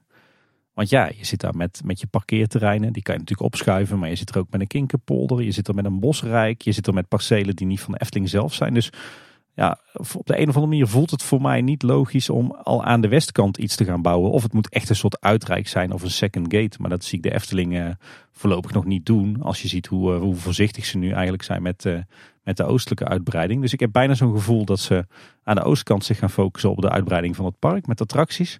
En dat de westkant voorlopig toch echt ja, vooral de focus heeft op parkeren en verblijf. Nou, als je aan de westkant iets aan het park wil vastklussen, dan moet je ook al heel snel gaan kijken naar het lemterrein en naar de fietsenstalling en zo die je dan moet gaan verplaatsen. Ja. Kan natuurlijk wel, maar het wordt een beetje een corridor naar een plekje waar dan nog ja, drie of vier grote attracties zouden kunnen komen, denk ik. Ze zouden het nog wel groter kunnen trekken, maar dan wordt het park echt extreem groot niet meer te lopen, denk ik. Ja, inderdaad, met die beperkingen. Als je dan denkt aan uitbreiding aan de westkant op het gebied van dagrecreatie, ja, dan, dan denk je misschien eerder aan uh, Second Gate, dus echt een heel nieuw uh, park. Uh, maar goed, hoe haalbaar is dat? Of toch een soort uitgaansvoorzieningen. Denk aan een zwembad of een bioscoop of een, indoor speelhal. Een soort Plopsa indoor. Uh, maar ik, ook daar zie ik ze niet snel in investeren hoor. Ja, ik heb nog steeds in mijn hoofd zitten dat, dat ze wel een kleine uitbreiding aan de westkant van het park zouden kunnen doen. Dan ligt het Efteling Theater alleen een beetje vreemd. Voelt nog steeds logisch om daar een soort uitreikconcentratie te hebben. Maar dat is dan, uh, dat is dan maar zo. Zover konden ze niet in de toekomst kijken toen. Kan natuurlijk ook zo zijn. Het kan natuurlijk zo zijn dat ze uh, na 2030 eerst maar eens beginnen met het, uh, het opruimen van het, uh, het lemterrein. En dat ze daar tegenover en naast het theater nog wat voorzieningen gaan bouwen. Maar dan uitgaansvoorzieningen of ja, uitgaansvoorzieningen. parkvoorzieningen? Nee, echt uitgaansvoorzieningen. Hm. Dus dat, ja. dat uitrijk niet zeg maar ten westen van het park komt te liggen, maar echt gewoon puur zoals latere plannen. Een beetje rond de Aquanura vijver. Dus dat het theater en het Huis van de Vijf Zintuigen, zeg maar die zone daartussen, waar nu het lemterrein en de fietsenstalling is daar is stiekem toch ook nog wel veel ruimte hoor. Ja, ik zou het wel mooi vinden hoor. Alleen ik, ik zie het ook niet realistisch zoals jij net zei dat, dat er een second gate zou komen. Want het is zo'n grote investering in één keer. Het is niet echt stel van de Efteling. Nee. Dus ik zie ja, toch aan de westkant wel iets van attracties verschijnen. Maar dan wil je natuurlijk zo dicht bij, uh, bij je park hebben. Het is wel een heel lang gerekt park en zo. Dus het wordt een beetje vreemd. Het blijft een interessante kwestie. En er eentje waar we nu niet al te dicht op moeten ingaan. Dat hebben we denk ik al vaak genoeg gedaan. Ja. En misschien nog even herhalen voor de mensen die, die het bestemmingsplan een beetje uit het oog zijn verloren. Maar aan de oostzijde mogen ze dus een hoge attractie gaan bouwen. In de basis mogen die accenten al bouwen tot 50 meter hoog. Maar met een uitzondering die ze dan kunnen aanvragen kan het tot 60 meter hoog zijn. Maar dat gaat dus echt om accenten. Dus stel je niet voor dat daar een gebouw la Efteling Grand Hotel komt te staan van 60 meter hoog. Dat mag dus niet. Nee. Maar een eh, wat rankere eh, ehm, Toren. ja, bijvoorbeeld Tower of Terror-achtig ding. Ja. Of eh, een Mystery Castle-achtige toren. Dat zou kunnen. Of natuurlijk een, een achtbaan met een hoge eh, lifthill. Dat is ook een accent dat dan eh, daar mag. Het mag inderdaad geen eh, massief blok zijn op hoogte. Waarbij het wel belangrijk is dat als daar geschreeuw vandaan komt, dan moet het gericht zijn richting het Efteling Park en niet het natuurgebied wat aan de andere kant van eh, de Midden-Brabantweg ligt. Ik zou zeggen, laat maar komen die eh Lorkvloem en die droptoren. Een lokvloem van 60 meter hoog, dat is wel een, een wereldrecordhoudertje denk ik. Daarbij vergeleken voelt Chapas meer als een soort kinderbadje. Ja. Maar even los van eh, speculeren wat er voor attracties zouden, zouden komen. Want dat hebben we ook al vaker gedaan. En daar kun je natuurlijk over bezig blijven. Eh, opvallend eh, dat de Efteling daar dus pas in 2027 aan de slag gaat. Ehm, toch weer een paar jaar opgeschoven. Eerder was het natuurlijk ook 2025 genoemd. Ergens denk ik ook wel logisch. Hè? Want de Efteling Grand Hotel zal ergens richting eind 2024 openen. Transmacabre misschien medio 24. Dan, ga je dus, dan kiezen ze er dus voor om twee seizoenen te gaan draaien. 2025 en 2026 zonder grote investering. Nou, dan kunnen ze mooi wat, eh, wat vet op de pot kweken, financieel gezien. En een sprookjeklussen. Bijvoorbeeld een sprookje, of een show, of een infill. Oeh, invulling in Ruigrijk, ja. Of een eh, restaurant slopen en nieuw bouwen. Om maar wat randoms te noemen. ja, precies. Dus ergens snap ik het wel. Dat je zegt van nou, we laten er even twee jaar tussen zitten. En dan gaan we pas weer fors investeren. Ja, want dan voelt het toch wel logisch dat we 2026, waarschijnlijk eerder 2027 zelf, dat dan misschien een nieuwe grote attractie opent. Dan zit je weer in die cyclus van twee, drie jaar. Ja, en daarna gaan ze weer bouwen aan het volgende, wat dan weer een jaar of twee, drie later opent. Dat voelt wel logisch, ja. Ja, maar ik kreeg de indruk in dat artikel dat ze pas in 2027 aan de slag gingen. Niet dat er echt Nee, nee, iets in precies. 27 open ging, toch? Nee, maar dan gaat er iets anders in eh, binnen de huidige grenzen van het park in 2027 openen. Maar daar, en dat is ook het startpunt van de bouw van het nieuwe, wat dan in 2029 of 30 gaat openen. Hmm. Voelt allemaal heel ver weg. Nou, ja, sowieso is het nog maar de vraag natuurlijk wat ze aan, eh, aan de oost- en aan de westkant eh, kunnen. Hè? Want er is natuurlijk nog steeds het debakel rond eh, die natuurvergunning van maximaal 5 miljoen bezoekers. We zitten natuurlijk nog met de stikstofcrisis die het hele land lam gelegd heeft. Dus nou ja, dat, dat soort problemen zullen natuurlijk eerst opgelost moeten zijn. Voordat ze flink kunnen gaan uitbreiden, zeker buiten de parkgrenzen. Maar nou ja, 2027 is een mooie stip op de horizon, toch? Ja. In ieder geval fijn dat het nog steeds actueel is. En dat het toch voelt als het eerstvolgende grote project na Dans Macabre en het Efteling Grand Hotel. Ik denk we gaan eens even naar een heel ander hoekje van het Efteling organisatiediagram kijken. Stichting Natuurpark de Efteling, ons wel bekend. En ik was altijd in de veronderstelling, in ieder geval de afgelopen jaren, dat Gert Leers daar eh, de voorzitter van was. Ja, ik ook. Maar dat blijkt dus al sinds 11 april niet meer het geval te zijn. Want toen is er een vergadering geweest van Stichting Natuurpark de Efteling. En toen is bekend geworden dat Gert Leers afscheid gaat nemen als voorzitter. En dat hij wordt opgevolgd door eh, Hans Jansen. En Gert Leers was dus eh, stichtingvoorzitter sinds eh, 2018 tot en met 2023. En zijn opvolger is Hans Jansen, burgemeester van Oosterwijk. En sinds 2018 bestuurslid van de stichting al. En tijdens een aandeelhoudersvergadering, die was dan weer op 12 april, heeft hij officieel het voorzittershamertje overgenomen. Ja, toch best wel groot nieuws wat eh, zich helemaal in de luwte heeft voltrokken. Niemand heeft hier eerder melding van gemaakt. Ja, toen Gert aantrad, toen eh, was dat best wel groot nieuws. Toen heeft Efteling het zelfs op het blog gezet volgens mij. Ja, dat was natuurlijk ook een grote naam, hè? Gert Leers. Dat is ook een beetje een aanloop naar de bestemmingsplan eh uitspraken en dat soort zaken. Ja, dit is eh, redelijk onder de radar allemaal gebeurd. Ja, toch wel opvallend. Maar goed, dan besteden wij er gewoon aandacht aan hè, als kleine boodschap. Wie is Hans Jansen? Nou, die is al best wel lang burgemeester van Oosterwijk. wat natuurlijk een, een gemeente is hier in de regio. Ligt eigenlijk naast Tilburg. Ehm, maar eh, Hans is ook een druk baasje. Eerder was hij onder meer raadslid en daarna wethouder bij de gemeente Tilburg. En nu is hij naast zijn werk eh, als burgemeester eh, van Oosterwijk. En volgens mij is hij ook regionaal verantwoordelijk voor nog allerlei projectgroepen en, en zaken. Maar hij is ook bestuurslid van de landelijke parochie voor kermis- en circusexploitanten en binnenschippers. Een parochie, Ja. hoe werkt dat? Zit er een kerkelijk tintje aan? Of? ja, ik neem aan dat er dus een kerk is die speciaal is voor reizende beroepen. Oké. Ook de eerste keer dat ik ervan hoor, maar dat, dat, haal, ik mooi, uit, haal ik uit de titel. Dus in die zin zit hij al heel erg in de, in de leisure natuurlijk. Eh, maar hij is ook voorzitter van de Raad van Commissarissen van Cassade. De Mhm. woningbouwvereniging hier eh, onder meer in onze gemeente. En voorzitter van de Raad van Toezicht van de Onderwijsgroep Tilburg. En nu dus ook eh, stichtingsvoorzitter van Stichting Natuurpark de Efteling. Ja. Dus het is echt een, een rasbestuurder. Ja, en wat die stichting doet, daar willen we zeker nog meer over weten. Maar we zijn iets wijzer geworden de afgelopen maanden. Want luisteraar Joris die stuurde ons de gewijzigde statuten van Stichting Natuurpark de Efteling toe. Die komen uit 2019. Die bleken gewoon opvraagbaar te zijn bij de KVK, dus dat had Joris gedaan.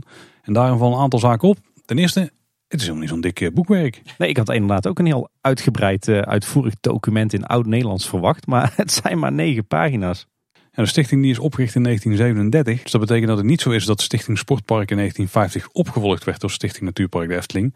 Dit was alleen maar een wijziging van naam. Ja, dus wederom een argument waarom eh, de Efteling niet opende in 1951 eh, of 52, maar de Efteling opende echt in 1935. Want je ziet wel, de huidige stichting komt gewoon voort uit Stichting Sportpark. Nee. Nee, weer niet? Nee, nee keur ik niet goed. Nee, nee. De stichting heeft een aantal doelen en die staan er natuurlijk in beschreven. De eerste is het verschaffen en in stand houden van voorzieningen op het terrein van recreatie en ontspanning en het bevorderen van toerisme en het verwerven en beheren van onroerende zaken voor dat doeleinde. De volgende is het ondersteunen dan wel zelf realiseren van sociaal-maatschappelijke projecten, bij voorkeur gericht op kinderen, liggende op het terrein van welzijn, cultuur of onderwijs. En onder deze projecten boren ook projecten in de Rooms-Katholieke parochie Heilige Willybrocht te Loon op Zand. Ja, en nog een doel van de stichting is het bewaken en bewaren van cultureel erfgoed, meer in het bijzonder sprookjes, legenden, verhalen en historie. En ik vond deze heel erg interessant, want ja, hier was ik wel het meest benieuwd naar, naar die, uh, van die statuten van de stichting. Nou, wat is nou eigenlijk het doel van de stichting? En eh, ik miste hier volgens mij wel een aantal uh, doelen die, we, die de stichting in het verleden wel had. Want het was natuurlijk zo dat de stichting ooit was opgericht om de Kaatsheuvelse jeugd een, ja, een zedelijke tijdverdrijf te bieden. Zodat ze niet bijvoorbeeld in de grote stad naar de kermis gingen en het op, het, op een zuipen zouden zetten. Ja, dat statuut is blijkbaar dus eh, in de loop der jaren verwijderd uit eh, de statuten van Stichting Natuurpark de Efteling. Ja, of afgezwakt tot die eerste misschien. Ja. En uh, voorheen was het natuurlijk ook een van de doelstellingen van de stichting het bevorderen van werkgelegenheid. Ja, die mis ik ook inderdaad. Die uh, zit ook niet meer tussen de doelstellingen van de stichting. Heel, heel interessant om die statuten nu eens door te ploegen. En daarbij viel trouwens nog iets anders op. Want volgens mij eh, hebben we het in een van onze vorige nieuwsafleveringen erover gehad. Over een wijziging in de statuten. Namelijk dat voor verkoop van aandelen van de Efteling BV twee derde van de stemmen van eh, de stichting nodig is. Nou, wij vroegen ons toen af van, hey, uh, is hier iets versoepeld? Hè? Want de Efteling zou toch helemaal nooit in de verkoop kunnen staan. Uh, maar ik heb de statuten doorgenomen. En wat blijkt, uh, voor normale besluiten van Stichting Natuurpark de Efteling is gewoon een meerderheid van de stemmen binnen het stichtingsbestuur noodzakelijk. Maar als het gaat om verkoop van de aandelen van de BV, dan is er echter twee derde van de stemmen nodig. Dus dat zijn er, uh, zijn er meer. En de goedkeuring van de Raad van Commissarissen. Dus er is eigenlijk binnen de statuten van de stichting extra bescherming zeg maar, tegen de verkoop van het eigendom van de BV. Dat is mooi om terug te lezen. Dankjewel uh, Joris dat jij uh, ons de statuten hebt toegestuurd. Want het was uh, interessant leesvoer. Al hebben we natuurlijk nog steeds duizend en één vragen over de stichting. En dan Tim, breaking news voordat we deze aflevering gingen opnemen. Want een aantal uurtjes voordat de opname startte, toen werd er een onderzoek uitgezet door de Efteling. Waarin wat ja, mogelijke details lagen over toekomstige abonnementstructuren. En opvallend is dat dit het tweede onderzoek van de Raad der Wijze in korte tijd is over dit onderwerp. Want we hebben natuurlijk uh, voor de zomervakantie al een keer een onderzoek gehad als abonnementhouder naar wat wij uh, belangrijk vinden uh, aan een Efteling abonnement en welke wensen er eventueel nog zijn. En blijkbaar hebben ze de uitkomst van dat onderzoek nu gebruikt als input voor dit ja, detailonderzoek waarin ze echt al met een vijftal categorieën abonnementen werken die allemaal op andere momenten geldig zijn. en met een heel aantal voordeeltjes die je al dan niet wil hebben. En uh, ja, dat is als het ware de uitkomst van het, uh, het vorige onderzoek waar ze nu op doorpakken. Misschien even kort langs die abonnementvormen lopen. Want in het onderzoek uh, spreken ze over vijf varianten. Dus vijf type abonnementen. En die hebben dan met name betrekking op hoe vaak je het park in mag. En op welke momenten. Maar daarnaast geven ze ook per abonnementsvorm nog verschillende voordelen die je erbij zou kunnen krijgen. En die zitten dan in een bepaalde prijsrange die loopt van nou, een bepaald bedrag tot een bepaald bedrag. en in het onderzoek vragen ze dan wat je daarvan vindt. En als we die vorm even langslopen, met het altijd toegang abonnement zou je 365 dagen per jaar toegang krijgen tot de Efteling. Dus echt alle dagen van het jaar. En die zit in de range van 320 tot 435 euro. Het zeer vaak toegang ticket, daarmee heb je 350 dagen per jaar toegang tot het park. Ongeveer vergelijkbaar met nu. Die zou zitten in de range van 216 tot en met 335 euro. Dan heb je het minder toegang uh, abonnement. Dan heb je 300 dagen per jaar toegang. Die zit in de range van 175 tot 225 euro. En heb je het weekend uitgesloten abonnement. Dat is uh, ook wel interessant denk ik voor de locals. 261 dagen per jaar kun je aan het park in. En zit in de range van 172 tot en met 199 euro. En dan heb je ook nog een specifiek feestdagen en vakanties uitgesloten ticket. Daar is maar één vorm van en die kost 161 euro per jaar. Of ik wel interessant om even kort op te sommen wat dan de zaken zijn uh, waarop gedifferentieerd wordt. Dus zeg maar de voordeeltjes die je al dan niet krijgt binnen die abonnementsvormen. Er wordt gekeken naar de hoeveelheid korting op eten en drinken. Uh, de hoeveelheid entree-tickets voor vrienden die je kan kopen met korting. Of misschien zelfs wel gratis erbij krijgt. De hoeveelheid korting op souvenirs. De mogelijkheid van een sneak preview. Korting op overnachten en eventueel een exclusief souvenir zoals een pin. We hebben door de korte tijd op de aflevering er zelf geen tijd voor gehad om daar diep in te duiken. Maar gelukkig hebben we iemand, Tim, en die weet alles over centjes en de Efteling. En het is natuurlijk niemand minder dan onze vriend van de show, Roel van Tilburg. En die staat voor ons ingedoken en die heeft daar veel over te vertellen. Tim, we gaan even luisteren. Hey Tim en Paul. Wat de Efteling eigenlijk momenteel doet, is dat ze een abonnementenbeleid van prijsdifferentiatie voeren. Dat houdt eigenlijk in dat de prijs die je voor een abonnement betaalt kan verschillen naar gelang je situatie. Dus je bent bijvoorbeeld nog heel jong, of je bent juist wat ouder, of je bent minder valide. En dan betaal je dus een andere prijs voor eigenlijk precies hetzelfde product. Nou, mensen uh, gebruiken die tactiek vaak, of bedrijven gebruiken die tactiek vaak, omdat het bedrag dat men bereid is te betalen bij deze groepen afwijkt van de standaardprijs. Dus als je bijvoorbeeld een heel jong kind hebt dat nog niet overal in kan, ja, dan is de volle prijs wel heel erg duur. En hetzelfde geldt eigenlijk ook voor mensen die ouder zijn of minder valide. En door die prijs eigenlijk te differentiëren, haalt men ook die doelgroepen binnen. Dat is eigenlijk wat Efteling tot op ja, de dag van vandaag doet. En nu wil men dus eigenlijk nog een stapje verder gaan. Dan willen ze niet alleen de prijs differentiëren, maar willen ze ook het product gaan differentiëren. Dan betaal je een andere prijs, maar je krijgt ook een ander product. Nou, wat we zien in het onderzoek is dat ze eigenlijk vijf vormen testen. Ik verwacht eigenlijk uh, zelf dat er geen vijf vormen uh, uiteindelijk uit zullen komen. Um, eerder een stuk of drie bijvoorbeeld. Een, een, een light versie, een, een, normale versie en een luxe versie. Wat valt op? Um, je ziet eigenlijk dat het zeer vaak toegangabonnement het meest interessant is om te bekijken. Want die lijkt het meest op het huidige abonnement. Ze gaan daar wel een beetje spelen met de prijzen, met de voordeeltjes die je hebt. En dat doen ze eigenlijk bij al die abo-vormen. Uh, andere abonnementsvormen doen ze dat ook.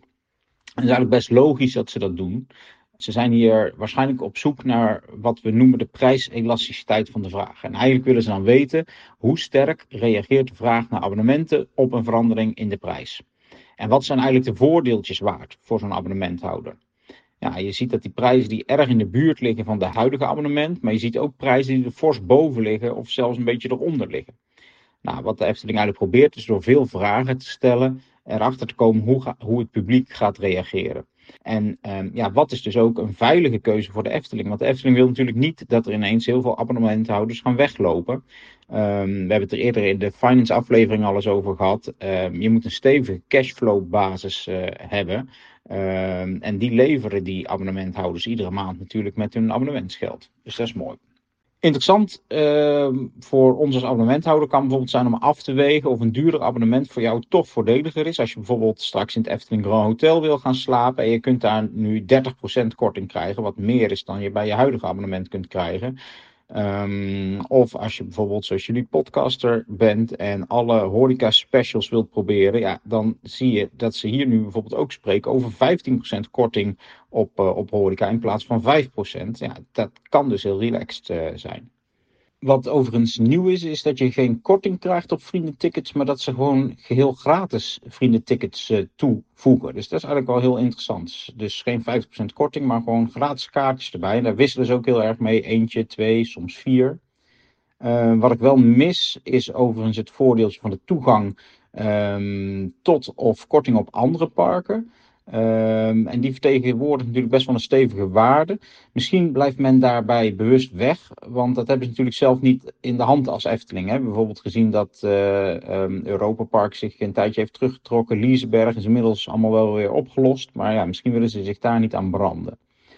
Ehm, verder dacht ik nog, uh, is het interessant om te kijken uh, hoe ze met mogelijk uh, free rider gedrag omgaan. Hè? Dus omdat je nu allerlei verschillende soorten abonnementen wellicht krijgt, is het dan zo dat ze zeggen, joh, als je op hetzelfde adres woont, dan moet je ook hetzelfde abonnementsoort kopen.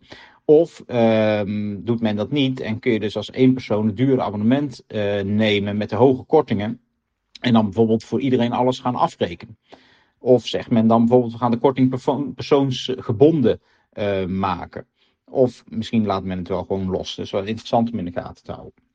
De vraag is denk ik ook nog, is dit nou een wens van de Efteling om te gaan doen of is het echt noodzaak? He, dus je zou kunnen zeggen, het is een wens van de Efteling, want ze willen zich aanpassen aan de behoeften van de gast. Eigenlijk een beetje wat Disney dan uh, ook pas heeft gedaan met zijn abonnementen.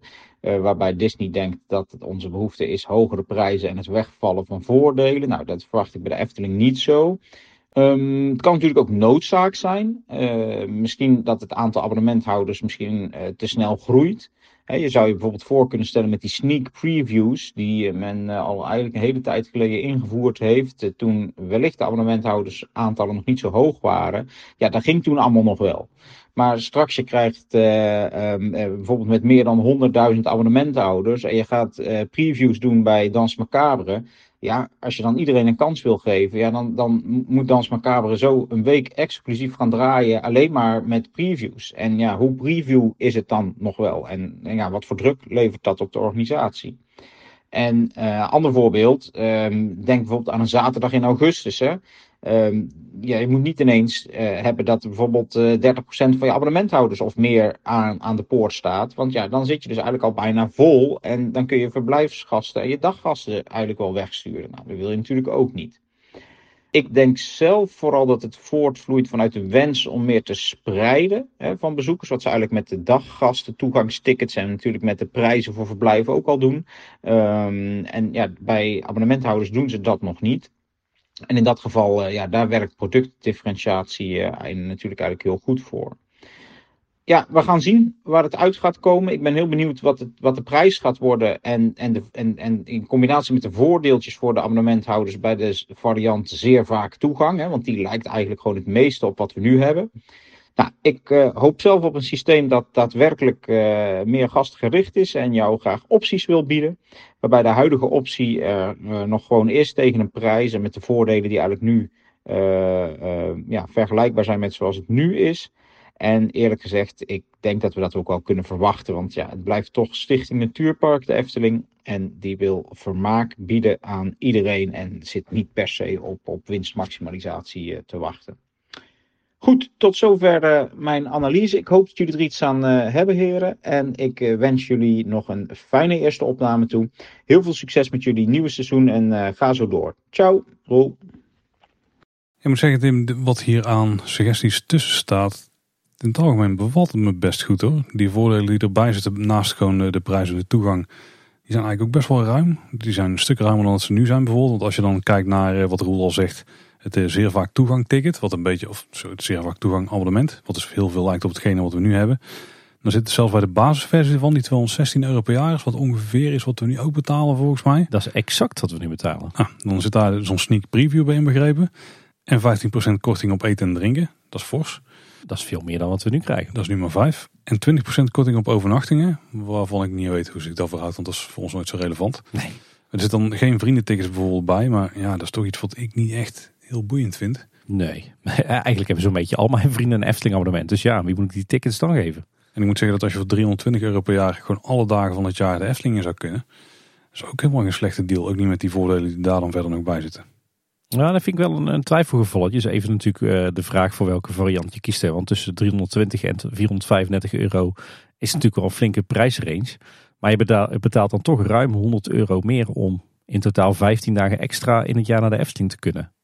Aangezien wij natuurlijk thuis met z'n vieren zijn, weet ik niet of dat ik daar nou snel voor zou kiezen. 400 euro extra uitgeven om op die uitkoopdagen ook naar binnen te kunnen? Nou, ik denk dat wij er ook niet voor zouden kiezen als gezin. Maar als jij echt heel vaak naar de Efteling gaat en je komt daar gewoon wekelijks en je moet die uitkoopdagen gewoon missen.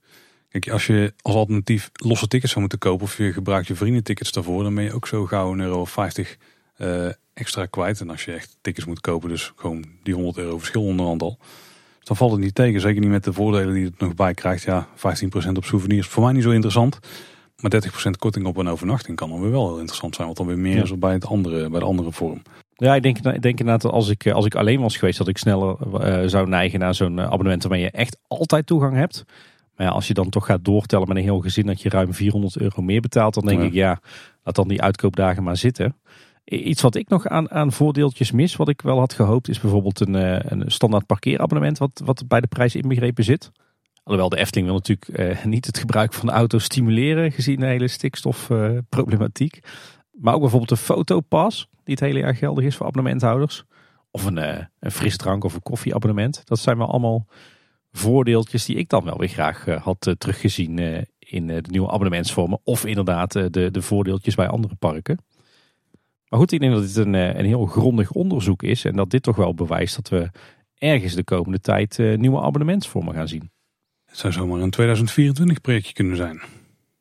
Ja, dan een groot onderhoudnieuws voordat we het daadwerkelijk onderhoudblokje induiken. Die Piranha die krijgt in de winter van 2023-2024 inderdaad groot onderhoud. En daarmee heb jij volgens mij een puntje gescoord voor Glaas Bol, Tim. Woehoe! Hey.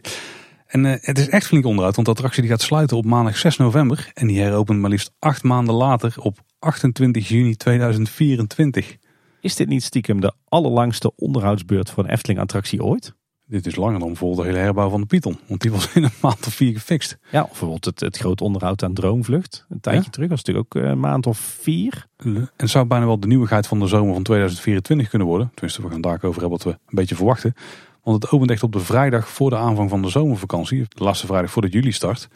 Dus het voelt bijna als een zomeropening. Ja, acht maanden is echt lang. Hè? In Ja. acht maanden bouw je normaal gesproken een nieuwe attractie. De Baron is, nee, de Baron is in 14 maanden gebouwd volgens mij.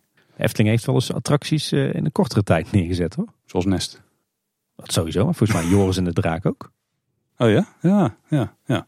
Ja, bij de Baron is de baan volgens mij ook in acht maanden in elkaar gezet of zo. Maar daar gaat het nou even niet over. Maar acht maanden is inderdaad heel lang. Er gaat inderdaad enorm veel gebeuren. Er is ook een vergunningsaanvraag gedaan. Ja, daarin staat niet heel veel meer dan het realiseren van gethematiseerde rotspartijen. Maar dat is natuurlijk een, iets nieuws, een grote wijziging. Maar ze kunnen natuurlijk ook allerlei effecten en zaken gaan toevoegen. Ja, je, je hoeft natuurlijk niet voor, voor, voor alle aanpassingen een bouwvergunning te hebben. Het gaat echt alleen om, om constructieve elementen of elementen die invloed hebben op de brandveiligheid. Nou ja, het bouwen van nieuwe rotspartijen, dat heeft natuurlijk al een constructieve component. En dit was natuurlijk ook iets wat we al wel wisten. Hè? Want de Efteling heeft natuurlijk de afgelopen jaren hier en daar telkens gefaseerd eh, rotsen afgebroken bij de Piranha. Omdat die op omvallen stonden. En we weten dat er nog meer rotspartijen zijn eh, die nu nog langs de baan staan. eh, waar eigenlijk ook wat mee moet gebeuren. Dus ja, ik denk dat dat inderdaad het hoofddoel is van, van deze onderhoudsklus. Een heleboel nieuw rotswerk. En waarschijnlijk ook realistischer. Want dat is natuurlijk iets wat we de laatste jaren vaak zien als ergens eh, rotswerk wordt aangepakt. Of het nou bij de Indische waterlelies is of bij Roodkapje. Het komt er altijd een stuk realistischer uit te zien dan het was. Ja, daar ben ik heel benieuwd naar. Er zou mogelijk ook trouwens wat nieuwe watereffecten worden toegevoegd. En we hebben op het dienstcentrum twee extra kwelbeelden zien staan. Dus die eh, Inca-achtige, nee dat zeg ik helemaal fout denk ik. In ieder geval beelden uit de Centraal-Amerika.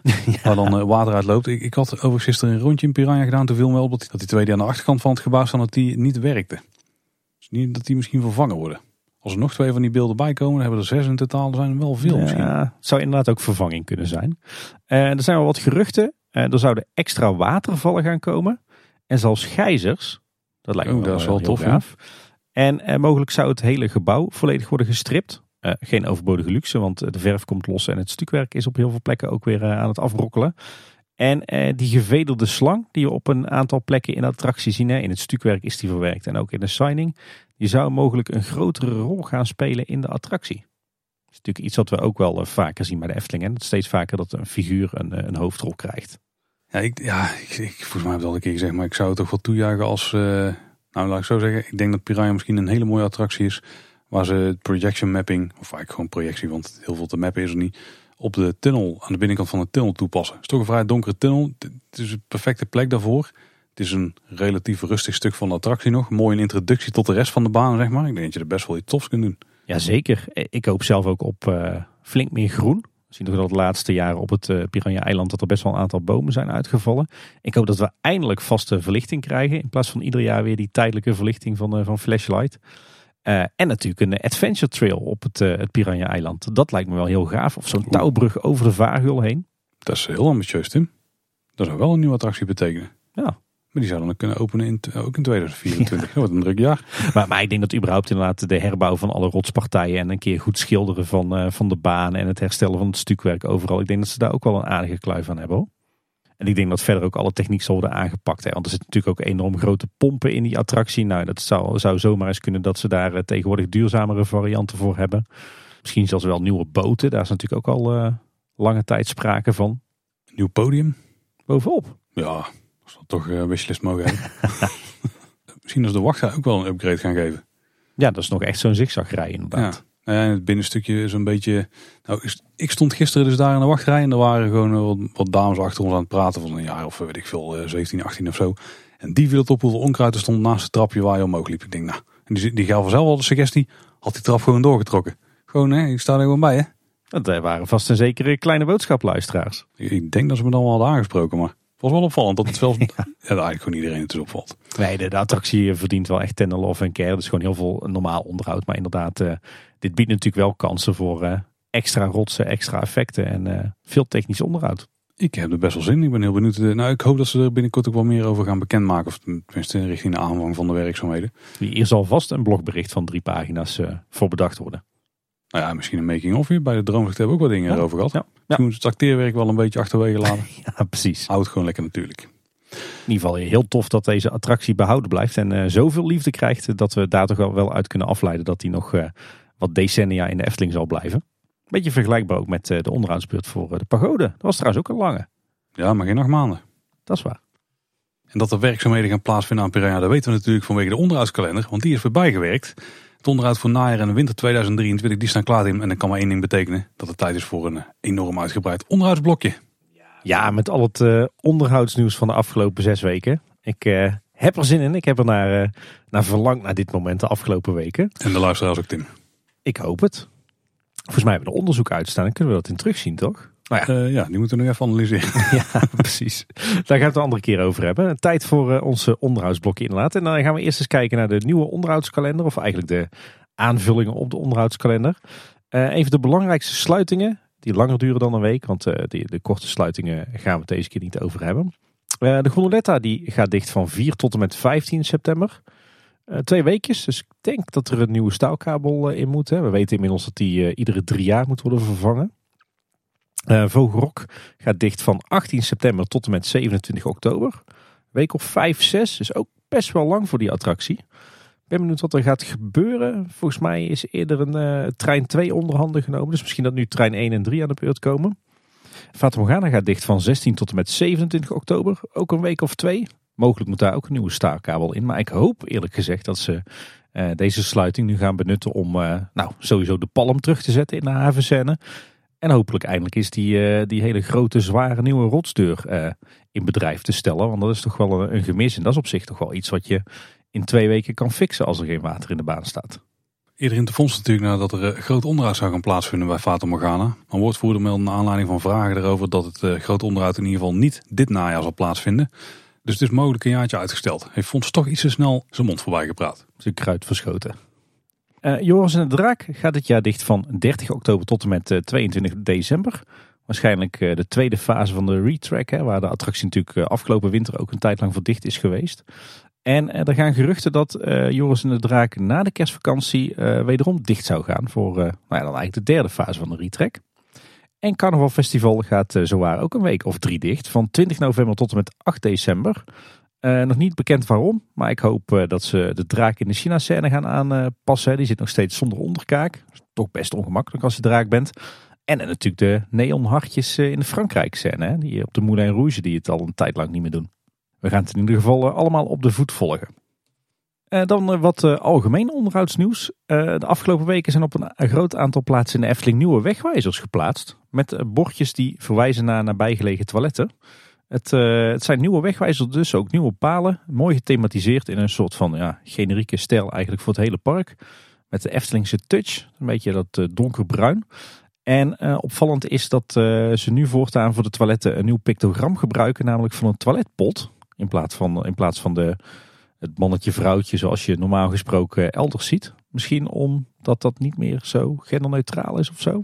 Nou, Ik moet zeggen, uh, op zich heel goed natuurlijk dat ze meer uh, bewegwijzering aanbrengen naar zoiets belangrijks als toiletten. Maar op een aantal plaatsen is er wel echt een overdaad aan toiletbordjes. Ik geloof als je in het Sprookjesbos naar Kleine Boodschap toe wil, dat er maar liefst vier bordjes, of eigenlijk drie bordjes en een kabouter, uh, binnen een paar vierkante meter naar die toiletgroep verwijzen. Dus dat is misschien een beetje te veel van het goede. Maar nou ja, op zich wel goed dat er, dat er wat meer wordt verwezen naar toiletten. We hebben natuurlijk in het verleden ook al eens een plan voorbij horen komen. waarin alle bewegwijzering in het hele park zou worden vernieuwd. Of in ieder geval verbeterd. Hè, omdat op heel veel plekken de bewegwijzering ook niet meer klopt met alle toevoegingen van de afgelopen jaren. Dus ik ben heel erg benieuwd of we op deze nieuwe wegwijzers naast de verwijzingen naar de toiletten ook nog andere bordjes eh, gaan zien. Uh, zou geen overbodige luxe zijn. En als we het dan toch over toiletten hebben, iets wat opvalt in de gerenoveerde toiletgroepen bij Fabula, Fata Morgana en het Gemak. Daar zijn nieuwe wasbakken gemaakt, maar die zijn te hoog voor kleine kinderen. Misschien is het een optie om of een wasbak ernaast te hangen die wat lager hangt. En als dat ingewikkeld is, gewoon een krukje neer te zetten. Ja, wat opvalt is dat sinds een week of twee er s'avonds af en toe wat problemen zijn met het licht. Met name op het hoofdparkeerterrein. Maar ik heb ook op een paar plekken in het park wat knipperende lampen gezien. De Efteling geeft aan dat er problemen zouden zijn met de aansturing. Ja, je zou bijna denken dat ze stroomtekort hebben bij de Efteling. Maar ik denk inderdaad dat dit eh, ergens in de aansturing zit. Want ja, zo'n beetje alle verlichting in de Efteling wordt natuurlijk centraal aangestuurd met eh, het een of het andere systeem. En wellicht zit er iets mis in de, de software of de bekabeling of, of de hardware. Het ziet er in ieder geval bijzonder uit. Ik kan me voorstellen als je s'avonds laat op het parkeerterrein loopt, dat het toch gek is dat af en toe de verlichting knippert en uitvalt. Is niet wat je wilt hebben op een groot parkeerterrein. Iemand riep al, uh, dit zijn de witte wieven van Bron 1898. ja, dat is wel een punt. hoe moet het park ingaan, Tim? Dan beginnen we bij Fantasierijk. Dan weet ik niet zeker of we deze al hebben genoemd, maar voor de zekerheid nemen we nog even mee. Want de meetlatten na de kaartcontrole bij het Huis van de Vijf Zintuigen zijn verdwenen. Waarom? Niemand weet het, maar ze zijn echt al een week of zes weg. Dus het is niet dat ze voor onderhoud of zo weg zijn gegaan. Dat is uiteindelijk gewoon stickerfolie op een plaat. Ja, ja vreemd, want dit was toch wel een, eh, een hele toffe toevoeging. Dat je meteen bij het binnenkomst van het park uh, al kon meten of je groot genoeg was. Of, of zou dit voor te veel opstoppingen hebben gezorgd daar in die smalle doorgangen? Oeh, daar zou nou best wel eens kunnen, ja. ja. Dat is eigenlijk best wel een goede reden om ze er weg te halen. Zeker nu. Misschien zijn ze juist voor het hoogseizoen weg en komen ze gewoon straks weer terug. Educated guess zeggen ze dan hmm, toch? Goeie. Nou. En als we dan eh, doorlopen en we kijken bij glad ijs, het ijspuntje daar, wat vast het aan Polleskeuken. Dan is de dakkapel daar toch wel vrij gaar hè? Ja, heel vreemd. Want heeft natuurlijk een, eh, een tijd terug echt een enorme onderhoudsbeurt gehad. En eh, dit dakkapelletje inderdaad boven die, dat verkooppunt, dat ziet eruit alsof het ieder moment in elkaar kan storten. Tenminste, het lijkt erop alsof er een berg stukwerk aan de voorkant vanaf is komen vallen. Of misschien wel een of ander decoratief element dat mist. Maar het ziet er in ieder geval uh, on-Eftelingsbouwvallig uit. Dus ik denk dat daar wat mist. Hmm. Nou, bij Fabula daar mist ook wat. Zoals het effect van de vallende boom. Die hangt toch weer stil. En de watereffect in de hoofdshow. Maar gelukkig is er op een andere plek wel water wat valt. Want de watervallen aan de buitenzijde die werken wel. Gaan we door eh, naar het andere rijk, naar Fata Morgana. Daar is het mooi om te zien dat de fonteinen op het voorplein weer zijn gevuld. En het weer doen. Dat zorgt dat toch altijd voor een tof effect op het plein. en in de attractie zijn dan toch wel twee animatronics met een pijnlijk kwaaltje. Want ehm, de man achter het gordijn in de bedelaarsectie, die het gordijntje aan de kant schuift, die lijkt een arm te missen. Dus daar, daar zit alleen de hand vast aan het gordijn.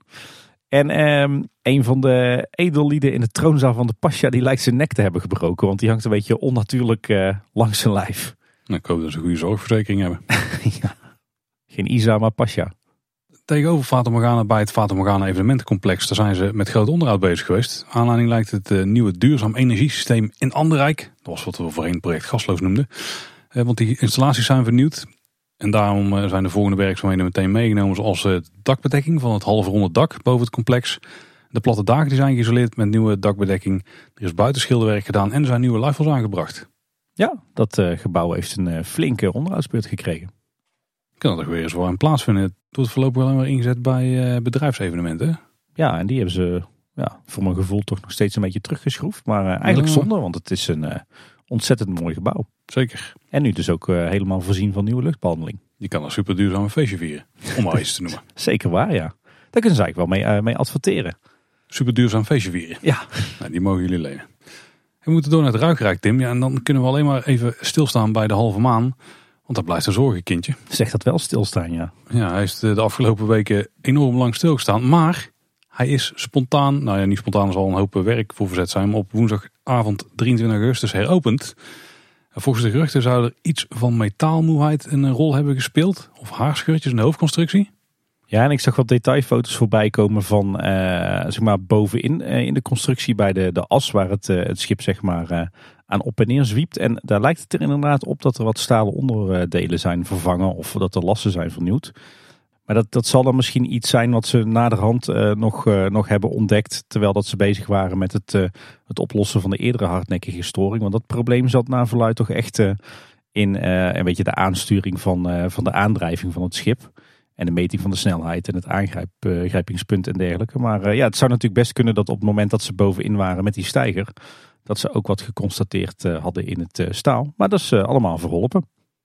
En ik moest trouwens laatst, laatst wel lachen, want nou, er wordt wel eens gezegd op het moment dat, dat bezoekers de Efteling binnenlopen, dan laten ze hun, hun verstand achter in de auto. maar ik moest dus wel lachen. Het tourniquet bij de uitgang van de halve maan, wat ervoor moet zorgen dat uh, bezoekers alleen maar daar de attractie uit kunnen en niet in kunnen lopen van buitenaf. Want ja, dan heb je natuurlijk een, uh, probleem als het schip uh, op en neer aan het gaan is. Dat is nu echt helemaal volgehangen met, met flappen. Met eraan op, zeg maar, op de ene kant het verkeersbordje dat je zeg maar eenrichtingsverkeer hebt. de attractie uit. En aan de andere kant staat er een verkeersbordje op met dat je dus er niet in mag. Maar echt letterlijk aan iedere stang van het tourniquet hangt zo'n flap.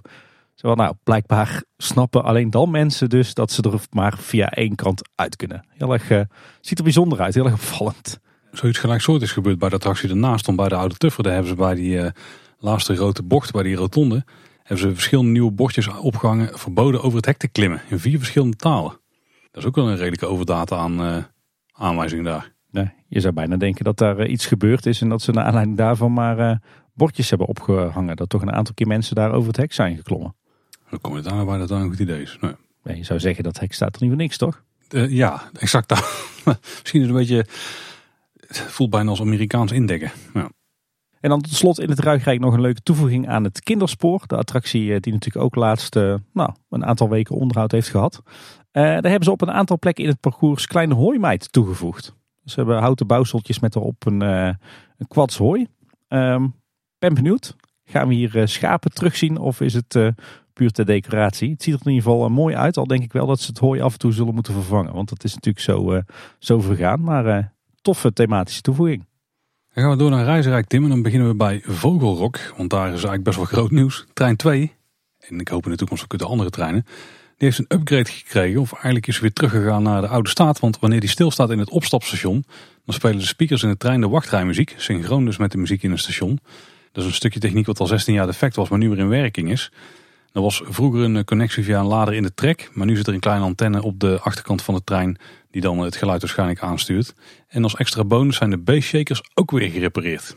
Ja, dat zijn volgens mij een soort elementen die in je zitting zitten. Die dan de bas uh, uh, verzorgen. Die onderdeel uitmaakt van de muziek. Hè? Die het fysiek overbrengen op je achterwerk. Ja heel erg tof. Ik vond het inderdaad vroeger altijd een heel gaaf effect als je dan eenmaal met je trein terug was in het station en je werd geparkeerd bij de poortjes, dat dan inderdaad de trein ook mee de wachtrijmuziek ging afspelen. Ik heb de trein 2 nog niet getroffen in mijn afgelopen ritjes. Ik, ik had het gewoon op moeten timen, denk ik. Maar mensen voorlaten weet je wel, zodat je in een goede trein terechtkomt. Stom. We moeten weer terug. En als we het dan toch over wachtrijmuziek hebben, dan is er wel iets opvallends gebeurd bij Vogelrok. Want eh, de wachtrijmuziek in het eerste deel van de meandering, zeg maar het, eh, het gethematiseerde deel wat, eh, wat later is, is aangepast, die is laatst vervangen door de muziek van de wereld van Simbad. En de wachtrijmuziek van Ruud Bos die is daar dus weg. Alleen in de opstaphal draait nog wel de originele muziek van Ruud Bos. Wat natuurlijk een saillant detail is, is dat Ruud Bos pas geleden is overleden. En dat echt een aantal dagen later, tenminste voor, voor mijn gevoel, dat die muziek al werd vervangen. Dat voelde toch een beetje, een beetje wrang. Beetje te snel, hè? Ja. ja. Ik snap hem op zich thematisch wel. Want ja, de, de wachtrijmuziek van Ruud Bos is ontzettend mooi. Maar ja, niet alle stukken daarin zijn nou heel erg oosters of passend bij die nieuwe thematisering. Daar past dan misschien de muziek van de wereld van Simbad wel beter bij. Maar ja, aan de andere kant, het origineel is ook mooi. En uh, nou, ik had, ik had het nog een jaartje gewacht. Ja, de timing is opvallend inderdaad. Ja. Het is een aankomend onderhoudsnieuwtje over de gondoletta. Want er is een vertrekkende ontwerpcoördinator bij de Efteling. En die had een afscheidspost geplaatst op LinkedIn. En daar stonden verschillende details in. En een daarvan is dat de gondoletta binnenkort nieuwe bootjes zou gaan krijgen. Huidige boten die stammen uit 1994. De werkzaamheden voor het vervangen van die bootjes zouden moeten plaatsvinden in dit of volgend seizoen. En de sintje in de post die daarover ging, die is inmiddels wel verwijderd. Dus uh, misschien een kleine tik op de vingers uitgedeeld daar. Ja, je zou bijna zeggen dat dat een bevestiging is dat het daadwerkelijk gaat gebeuren, toch? Ja, eigenlijk wel. Ja, we hebben er al geruchten van opgevangen. Het zou ook over een andere indeling van het bootje kunnen gaan met minder zitplaatsen. Uh, je hebt nu die max zes personen per boot bordjes al hangen in de Efteling. Ja, ja het is inderdaad maximaal zes personen. Terwijl er passen met een beetje prop uh, negen of tien, misschien wel twaalf mensen in. Dat levert nu natuurlijk af en toe nog wat, uh, wat vragen op en misschien wat frustratie. Terwijl er mogen echt niet meer mensen dan zes in vanwege de, de ontruimingstijd. Ja, en als je dus ervoor zorgt dat er minder zitplekken zijn, of misschien wel echt stoeltjes in plaats van banken, dan heb je die discussie natuurlijk niet. En ik hoorde zelfs wat geruchten voorbij komen dat er misschien een picknickopstelling zou komen met een tafeltje. Wat natuurlijk eh, heel apart zou zijn, maar denk geen overbodige luxe in deze attractie. Ja, daar hebben ze volgens mij nu in Europa Park ook bij die uh, Josefina's Keizer Zauberreizen. Ik zeg het alleen maar op basis van wat ik hoor in uh, Afterpark langs. Maar dat zal precies. kloppen volgens mij. Ja, en er zouden zelfs minder valide boten gaan komen. Een ontwikkeling die ook wel eens geroemerd is voor de Fata Morgana. Maar nou ja, het zijn, het zijn geruchten, maar het, het zou op zich wel logisch zijn. Ja. En ik kan me ook wel voorstellen dat die boten eens in de zoveel tijd uh, vervangen worden. Misschien komen er met die uh, nieuwe boten een, eh, een hele zwik aan oude gondoletta bootjes wel in de vrij verkoop. Ik denk het niet, want we weten dat Efteling dat tegenwoordig niet meer doet. Maar in het verleden gebeurde nog wel eens. En een oud gondoletta bootje die heeft te koop gestaan. Het was een bootje uit 1981. Je kon die kopen voor 1950 euro. En die is inmiddels verkocht aan een zieke Efteling-fan voor de vraagprijs. Maar er waren veel hogere biedingen. Maar de verkoper die vond het toch wel heel mooi om die aan de, die zieke Efteling-fan te verkopen. En in 1994 werden deze bootjes vervangen door de huidige boten. Toen heeft de recreatieondernemers opgekocht. Die, die deed er niks mee. En uh, ja, sindsdien is er een flinke handel in die bootjes ontstaan. Ja, we zien uh, ieder jaar uh, wel één of twee keer een berichtje op loopings voorbij komen dat er weer zo'n bootje op marktplaats te koop staat. Maar ja, deze is nu dus verkocht aan volgens mij een ongeneeslijk zieke Efteling-fan. En nou ja, hulde voor de verkoper, want die heeft bewust de hogere biedingen afgeslagen om het aan deze beste man eh, te verkopen. Dus eh, nou, mooi verhaal. Ondanks dat de Efteling er niet blij mee zal zijn. Want eh, we weten dat ze tegenwoordig absoluut niet willen hebben dat er handel ontstaat in materialen uit het park. Ja. Hey, Archipel is twee dagen gesloten geweest in verband met een terugkerend probleem. Want let op, een deel van de rubbergranulaatvloer die liet we los. Ja, dat is de valdempende ondergrond hè. Zonder te fixen ze speeltuin leeggepompt, schoongespoten, de vloer opnieuw gelijmd. En daarna kon die weer open. Ja, ja, ik heb er zitten dubben van, van waar is dit nou fout gegaan en hoe had je dit nou misschien anders kunnen aanpakken of hoe zou je het misschien permanent kunnen oplossen. Uh, maar ze hebben er nu natuurlijk voor gekozen om uh, bij het storten van die betonvloer, om uh, de plekken waar die valdempende ondergrond moest komen, om die uit te sparen. Dus je had eigenlijk een betonvloer met een aantal gaten erin en in die gaten hebben ze later die valdempende ondergrond aangebracht. En met name uh, op die overgang, hè, de, de, de naden tussen die valdempend ondergrond en het, uh, en het beton, daar ontstaan die lekkages en, uh, en gaat die vloer los zitten. Ehm, ik denk dat je de volgende keer gewoon liever een volledig dichte betonvloer stort en dat je daar dan bovenop zo'n valdempende ondergrond verlijmt. Dan heb je in ieder geval niet dat die naad lek raakt en dat er zand wegspoelt onder die, onder die rubbergranulaatvloer en dat je daar dan weer allemaal kuilen krijgt. Dus nou, ik ben benieuwd of het op deze manier opgelost is of dat dit vaker terugkeert. In dat geval zou ik gewoon lekker uh, alles dichtstorten met beton en die, die valdempende ondergrond er bovenop lijmen. Maar goed, uh, de beste stuurlui staan aan wal. Zonder bankjes. Nou, in het geval van uh, Sirocco zitten ze ook gewoon in, in de bootjes. Ja, dat is waar. Hey, nog een klein geruchtje over het reizenrijk. Er zou een flinke opknapbeurt op de planning staan voor Kleuterhof. Uh, die zou in eerste instantie uh, niet op de planning hebben gestaan omdat de speeltuin zou verdwijnen bij de komst van uh, Grand Circus Balancé. Maar ja, nu die plannen niet doorgaan en het nog maar de vraag is wanneer hier wel ontwikkelingen plaatsvinden en of dan Kleuterhof mee wordt genomen, is nu alsnog die onderhoudsbeurt op de planning verschenen. En daarbij zou de speeltuin flink worden opgeknapt zodat er weer veilig gespeeld kan worden op alle toestellen. En dan door naar het Marenrijk, Tim. En dan beginnen we bij het Carouselpaleis. De stoomcarousel is daar weer geopend na het grote onderhoud aan het uh, draaiwerk van de molen. Daar heb je natuurlijk een kleine boodschap alles over kunnen horen. De defecte paarden zijn ook weer gerepareerd en die zijn weer in gebruik. Ja, en aan de buitenkant is de houten vloer voor de entree van de carousel volledig vernieuwd. staat inmiddels strak in de lak, die is weer mooi rood. En ook de, in, de deuren van de in- en de uitgang die kregen een likje verf. was wel nodig met al die beschadigingen. Maar ja, ook dit is wel weer een beetje half werk. ze hebben zeg maar alleen de beige verf bijgewerkt. Maar de handgeschilderde vlakjes in die deuren met dat mooie handschilderwerk. ja, daar hebben ze eigenlijk niks aan gedaan. Ehm, terwijl die ook wel een likje verf konden gebruiken. Maar goed, de grootste beschadigingen die zijn in ieder geval nu, eh, hersteld. Verder valt op dat eh, in eh, de vitrines, in de, de, zeg maar een beetje de, de gaanderij, de rondgang tussen de carousel en het diorama, waar voorheen allemaal Efteling souvenirs waren uitgestald. Die kasten die zijn leeggehaald en in een aantal vitrines zijn nu oude foto's van de stoomcarousel opgehangen. Heel tof, alsof er een soort dependance van het, het Efteling archief hangt. En we hadden het in deze aflevering al eerder over de Loopings podcast. En het interview met uh, Björn Berkers van, uh, van Create. En uh, in diezelfde aflevering vertelt Björn ook het een en ander over de onderhoudsbeurt aan de gevel van het Carouselpaleis. Um, nou, ook heel interessant om nog even te luisteren. Dan door naar het poffertje. Daar is de grote onderhoudsbeurt nu ook echt klaar. Alle bestikkering van de voorgevel die is aangebracht. En er hangen nieuwe doeken in de luifels. En het mooie is dat ze op die livevols in het Nederlands en het Engels hebben aangegeven nu waar de in- en uitgang zijn van het poffertje. En waar je je poffertjes kunt afhalen. En we kregen nog een berichtje van Agerta Beck over het poffertje. Dat is natuurlijk de vrouw van eh, Paul Beck, hè, die we recent interviewden bij Kleine Boodschap. En uh, zij vertelde ons dat het uh, eigenlijk zonde is dat de oude voorgevel van het poffertje is verdwenen. Want die is begin jaren negentig, toen Paul Beck natuurlijk nog uh, algemeen directeur was, met de hand beschilderd door een Zeeuwse kunstenares, Olga Wiese. En die heeft een wat, uh, wat figuratieve, soms iets wat absurdistische stijl. Iets wat we natuurlijk ook terugzagen in die voorgevel. En ik zal even een linkje toevoegen aan de show notes naar haar website met wat van haar werk. En uh, ja, dan toch best wel een bijzonder verhaal dat het, de oude voorgevel dus gewoon door kunstenares was beschilderd. Ja. Dan nog een kleine aanpassing bij de Zoete Inval, de snoepwinkel. Die is natuurlijk een tijdje terug voorzien van een airco. Waarbij aan de buitenzijde van het gebouw aan de achterkant ook nog een unit is geplaatst. Daar hebben ze een mooi houten kistje omheen gebouwd. Mooi piekblauw geschilderd. En ja, zeg maar de, de, de luchtinlaat afgewerkt met een roostertje. Nou, dat was op zich al heel erg fraai. Maar blijkbaar nog niet goed genoeg voor de Efteling. Want ik zag vandaag ineens dat ze er mooie schuine houten latjes in aan hebben gebracht. Ook weer mooi in piekblauw. Waardoor je ja, eigenlijk nog minder goed ziet dat dat in feite een, een luchtinlaat is voor de airco. Dus nou, blijkbaar heeft er toch iemand geroepen. Jongens, dit is nog net niet goed genoeg voor het Antropiekplein. Heel, heel mooi dat ook voor detail. Ja, netjes. Dan door naar Droomvlucht. Daar zijn bij de entree uh, de prachtige gedecoreerde lantaarns weer teruggeplaatst. Heel mooi opgeknapt, opnieuw beschilderd. En ook alle afgebroken elementjes en puntjes die in de loop der jaren sneuvelden, die zijn uh, gerepareerd. Dus dat is allemaal weer in de originele staat. Dan in de meandering heb je natuurlijk een buitenverkoop zitten die zo nu en dan open is. En de deuren daarvan die zijn voorzien van trollenkoppen. En het schilderwerk daarvan was al heel lang beschadigd. En ook dat hebben ze nu netjes bijgewerkt met het penseeltje. Heel tof uh, dat er ook aandacht voor is. En de muur bij de uitgang die uh, opnieuw uh, geschilderd was. Die hebben ze inmiddels ook netjes ingeschaduwd.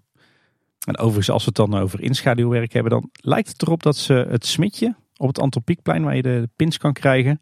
Die hebben ze ook aan het begin van de zomer opnieuw geschilderd. Maar daar moeten ze denk ik nog een keer terug. Want daar zijn ze het inschaduwwerk volgens mij vergeten. En inmiddels is het bevestigd, Tim. In september gaan de gevallen planeten in de Hemelburgse scène weer terugkeren. Heel fijn. En wat wel opvallend is, tijdens de bouw van Droomlucht, het was natuurlijk het hele gebouw nog niet klaar. En toen hebben ze die planeten via het dak naar binnen getakeld.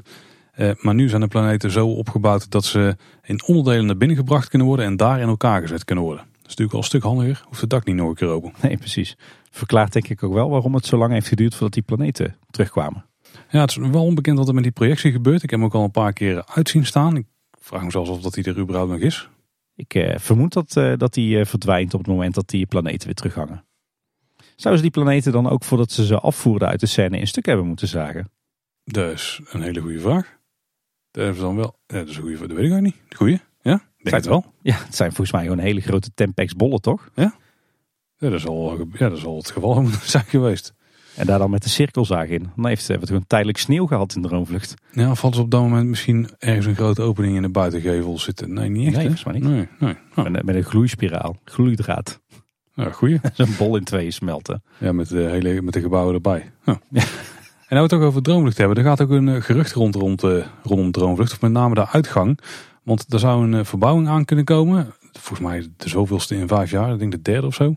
Want de romerijen en de Gulden Garde die zouden worden aangepakt. Waarbij er een vernieuwde uitgang zou komen en de Gulden Garde weer anders wordt ingedeeld. Wederom. Op zich geen overbodige luxe, want volgens mij is het puntje aan zich... Nou, ik kan me niet heugen dat ik dat ik de open heb gezien de afgelopen... Nou, sinds corona eigenlijk. Misschien daarvoor zelfs was het al, al regelmatig dicht. Ja, af en toe is het wel open, maar ja, het is natuurlijk, ja, het houdt het een beetje in het midden tussen, is het nou horeca of is het nou souvenir verkopen? En eigenlijk zit daar ook nooit iemand aan het tafeltje wat te eten of te drinken. Nou, er zijn wel veel tafeltjes, dus wat dat betreft is het een horecapunt. Maar het is weer zo'n klassiek Eftelings horecapunt dat helemaal aan de rand van een park is gestopt. Wat je dan tegenkomt op het moment dat je waarschijnlijk weer volop op pad bent naar een volgende attractie of belevenis in het park. Dus ja, dat het niet zo goed werkt, snap ik ook wel hoor. Ja, en die, die hele uitgangsconstructie, dat je daar om de hoek moet en dan via zo'n smal paadje door een winkel in een hoekje via een nota naar buiten moet, dat heeft ook nooit echt lekker gevoeld, toch? Nee, nee, daar mogen ze ook zeker wel iets aan doen. Ja. Ja. Wat, wat mij betreft dan liever gewoon terug naar de oude opzet waarbij je achterin die winkel had en daar vervolgens eh, naar buiten kon lopen. En wie weet krijgt het weer terug. Oh, nog even een, eh, nou, nou we het toch hebben over de uitgang van Droomvlucht. Eh, er werd bevestigd dat zodra de planeten hangen in de hemelburgten, dat er dan nieuwe opnames worden gemaakt voor de virtual reality Droomvlucht. Omdat er natuurlijk het een en ander gewijzigd is in de attractie. Denk bijvoorbeeld aan de elfjes met andere huidskleuren. Ehm, en die nieuwe VR-film die zou meer worden dan puur en alleen het tonen van de rit zelf. Eh, ik hoorde wat geruchten dat er mogelijk zelfs wat speciale effecten in eh, verwerkt zouden worden. Oh. Dus eh, dat gaan we dit najaar zien. En dan het volgende gerucht, Tim. Bij Villa Volta zou de audio wel eens een flinke update kunnen krijgen. En de dames zouden het daarbij kunnen gaan horen in de hoofdshow, naast de voorshow. Misschien wat extra geluidseffecten en metalige vertellingen. Nou, dat zou op zich wel van meerwaarde zijn, toch? Zeker. Ja. En we weten dat ze daar jaren geleden ook al mee bezig waren. Dus misschien is dit het moment dat het eindelijk gaat plaatsvinden. We zagen natuurlijk laatst eh, Karel Willemen en René Merkelbach eh, voorbij komen in eh, de voorshow. Ja, dan na al die geruchten ook weer wat feitelijkheden. Want goed nieuws bij de stoomtrein. Er zijn weer twee locomotieven in de baan. Want naast Moortje rijdt ook Treintje weer. Die is weer helemaal opgeknapt na de aanrijding met een betonwagen. En in Speeltuin Kindervreugd is de apenmolen weer hersteld. Ja, bij het Lavela valt op dat iemand, ja, of hij is kapot of iemand kan het knopje wederom niet vinden. Maar dat de langdurige storing aan de molenwieken van het Larikoekhuis weer terug lijkt te zijn. Ah, en hij was nog wel gerepareerd. Nou ja, of hij heeft het altijd gedaan en ze moeten iemand een nieuwe instructie geven van... als je nou dat gebouwtje in loopt, dan moet je daaronder kruipen... en dan moet je met je hand zo een beetje ongeveer 30 centimeter omhoog... en dan kun je daar een knop indrukken. Of niet, ik weet niet hoe de aansturing werkt. Maar ik kan me echt voorstellen dat het zoiets is. Hoe kan zoiets simpels zo vaak kapot zijn? Ja, misschien dat die molenwieken gewoon te zwaar zijn voor de motor. Of de as of het lager. Roep zomaar iets. Dan moet gewoon die bakkersknecht gewoon afvallen die eraan hangt. Dat is een goeie. Nou, nou ik zal het hem eens gaan vertellen binnenkort. Eh, En ook weer hier een gerucht. Volgend jaar zou er wel eens groot onderhoud kunnen gaan plaatsvinden aan de Lavela monorail. Dat zou dan eh, vooral gaan over nieuwe besturing, vernieuwde camerabewaking en betere beveiliging van het station. Maar ook wat bouwkundig onderhoud. En volgens mij is dat laatste wel nodig. Ja, en camerabewaking is ook geen overbodige luxe, want die is er nu natuurlijk niet. Dus je hebt als operator echt nul zicht op wat er in de baan gebeurt. Ja. En volgens mij kun je ook als je uitstapt uit de slak, dan kan je ook nog vrij gemakkelijk teruglopen. Je zit er natuurlijk met bewegende voertuigen, dus ik kan me wel voorstellen dat dat eh, misschien wat, wat anders en wat veiliger moet daar. Ja, die waren natuurlijk al een keer opnieuw ingedeeld. Hè, toen ze het eh trekt een beetje hebben aangepast. En het lijkt erop dat op het Anton Pieckplein de vermolenmolen daar wel eens afgebroken zou kunnen gaan worden. Omdat de constructie vervangen moet gaan worden. Want daar zou roestvorming zijn. En nu ik erover nadenk, die is al vrij recent een keer aangepakt, toch? Ja, die is al een keer eh, een aantal maanden uit elkaar geweest en eh, gerestaureerd. Ja, maar toen was het natuurlijk vooral de buitenkant, zeg maar de visuele delen. Die doeken en het schilderwerk en zo. Ja, dat zou kunnen. Ja, Of, of misschien eh, eh, dat het dan toch de Anton Pieckmolen is. Nou, het, het zou in ieder geval alleen gaan om eh, de constructie waar de molen omheen draait. Als we het toch over de molens hebben. De fietsmolen die zou tot eind augustus eigenlijk blijven staan op het Anton Pieckplein. Maar die is al eh, begin augustus afgebroken. Tenminste gedeeltelijk. De fietsen die zijn er afgehaald. Want er was wat noodzakelijke reparatie en onderhoud nodig aan die fietsen. Het leek op dat de fietsmolen nog terug zou gaan keren voor de laatste weken van de maand. Maar dat is dus niet gebeurd. De molen is eh, niet meer gerepareerd en eh, is dus ook niet meer teruggekeerd. De stichting die de molen beheert had geen tijd om de molen verder af te breken. Dus de ombouw bleef nog even staan. En die was in gebruik als terras. Tenminste, er stonden heel even stoelen en tafels, zodat het als terras kon dienen. Maar die zijn inmiddels ook alweer weg. Nou, het zal ook niet heel lang meer duren dat die hele constructie afgebroken wordt. Dus eh, jammer, maar zolang die er stond was wel een toffe toevoeging. Ja, ik ben blij dat we er een eh, paar keer op hebben gezeten en eh, de benen uit ons lijf hebben getrapt. Zo, daar gaan we al. Hey, door naar uh, Ravelijn er zijn natuurlijk een tweetal brandjes geweest. Maar een van die brandjes is het bord van bakkerij Barens gesneuveld. Inmiddels is er een nieuw bord. Fijn dat ze dat zo snel hebben opgeknapt. En eerder dit jaar hadden we het er in het onderhoudsblokje over dat er wat was gerommeld aan zeg maar de muurtjes tussen de verschillende dakvlakken. Waarschijnlijk waren daar wat problemen met, met vocht. En daardoor hadden ze die muurtjes tussen de, de verschillende dakvlakken ingepakt met lelijke zwarte dakbedekking. Um, en wat blijkt nu? Over die dakbedekking heen hebben ze een soort afdekkappen geplaatst. En ja, ik heb eh, tot nu toe alleen wat foto's gezien. Het lijkt erop dat ze daar een soort elementen overheen hebben geschoven die de gestukte muren die het eerst waren nabootsen.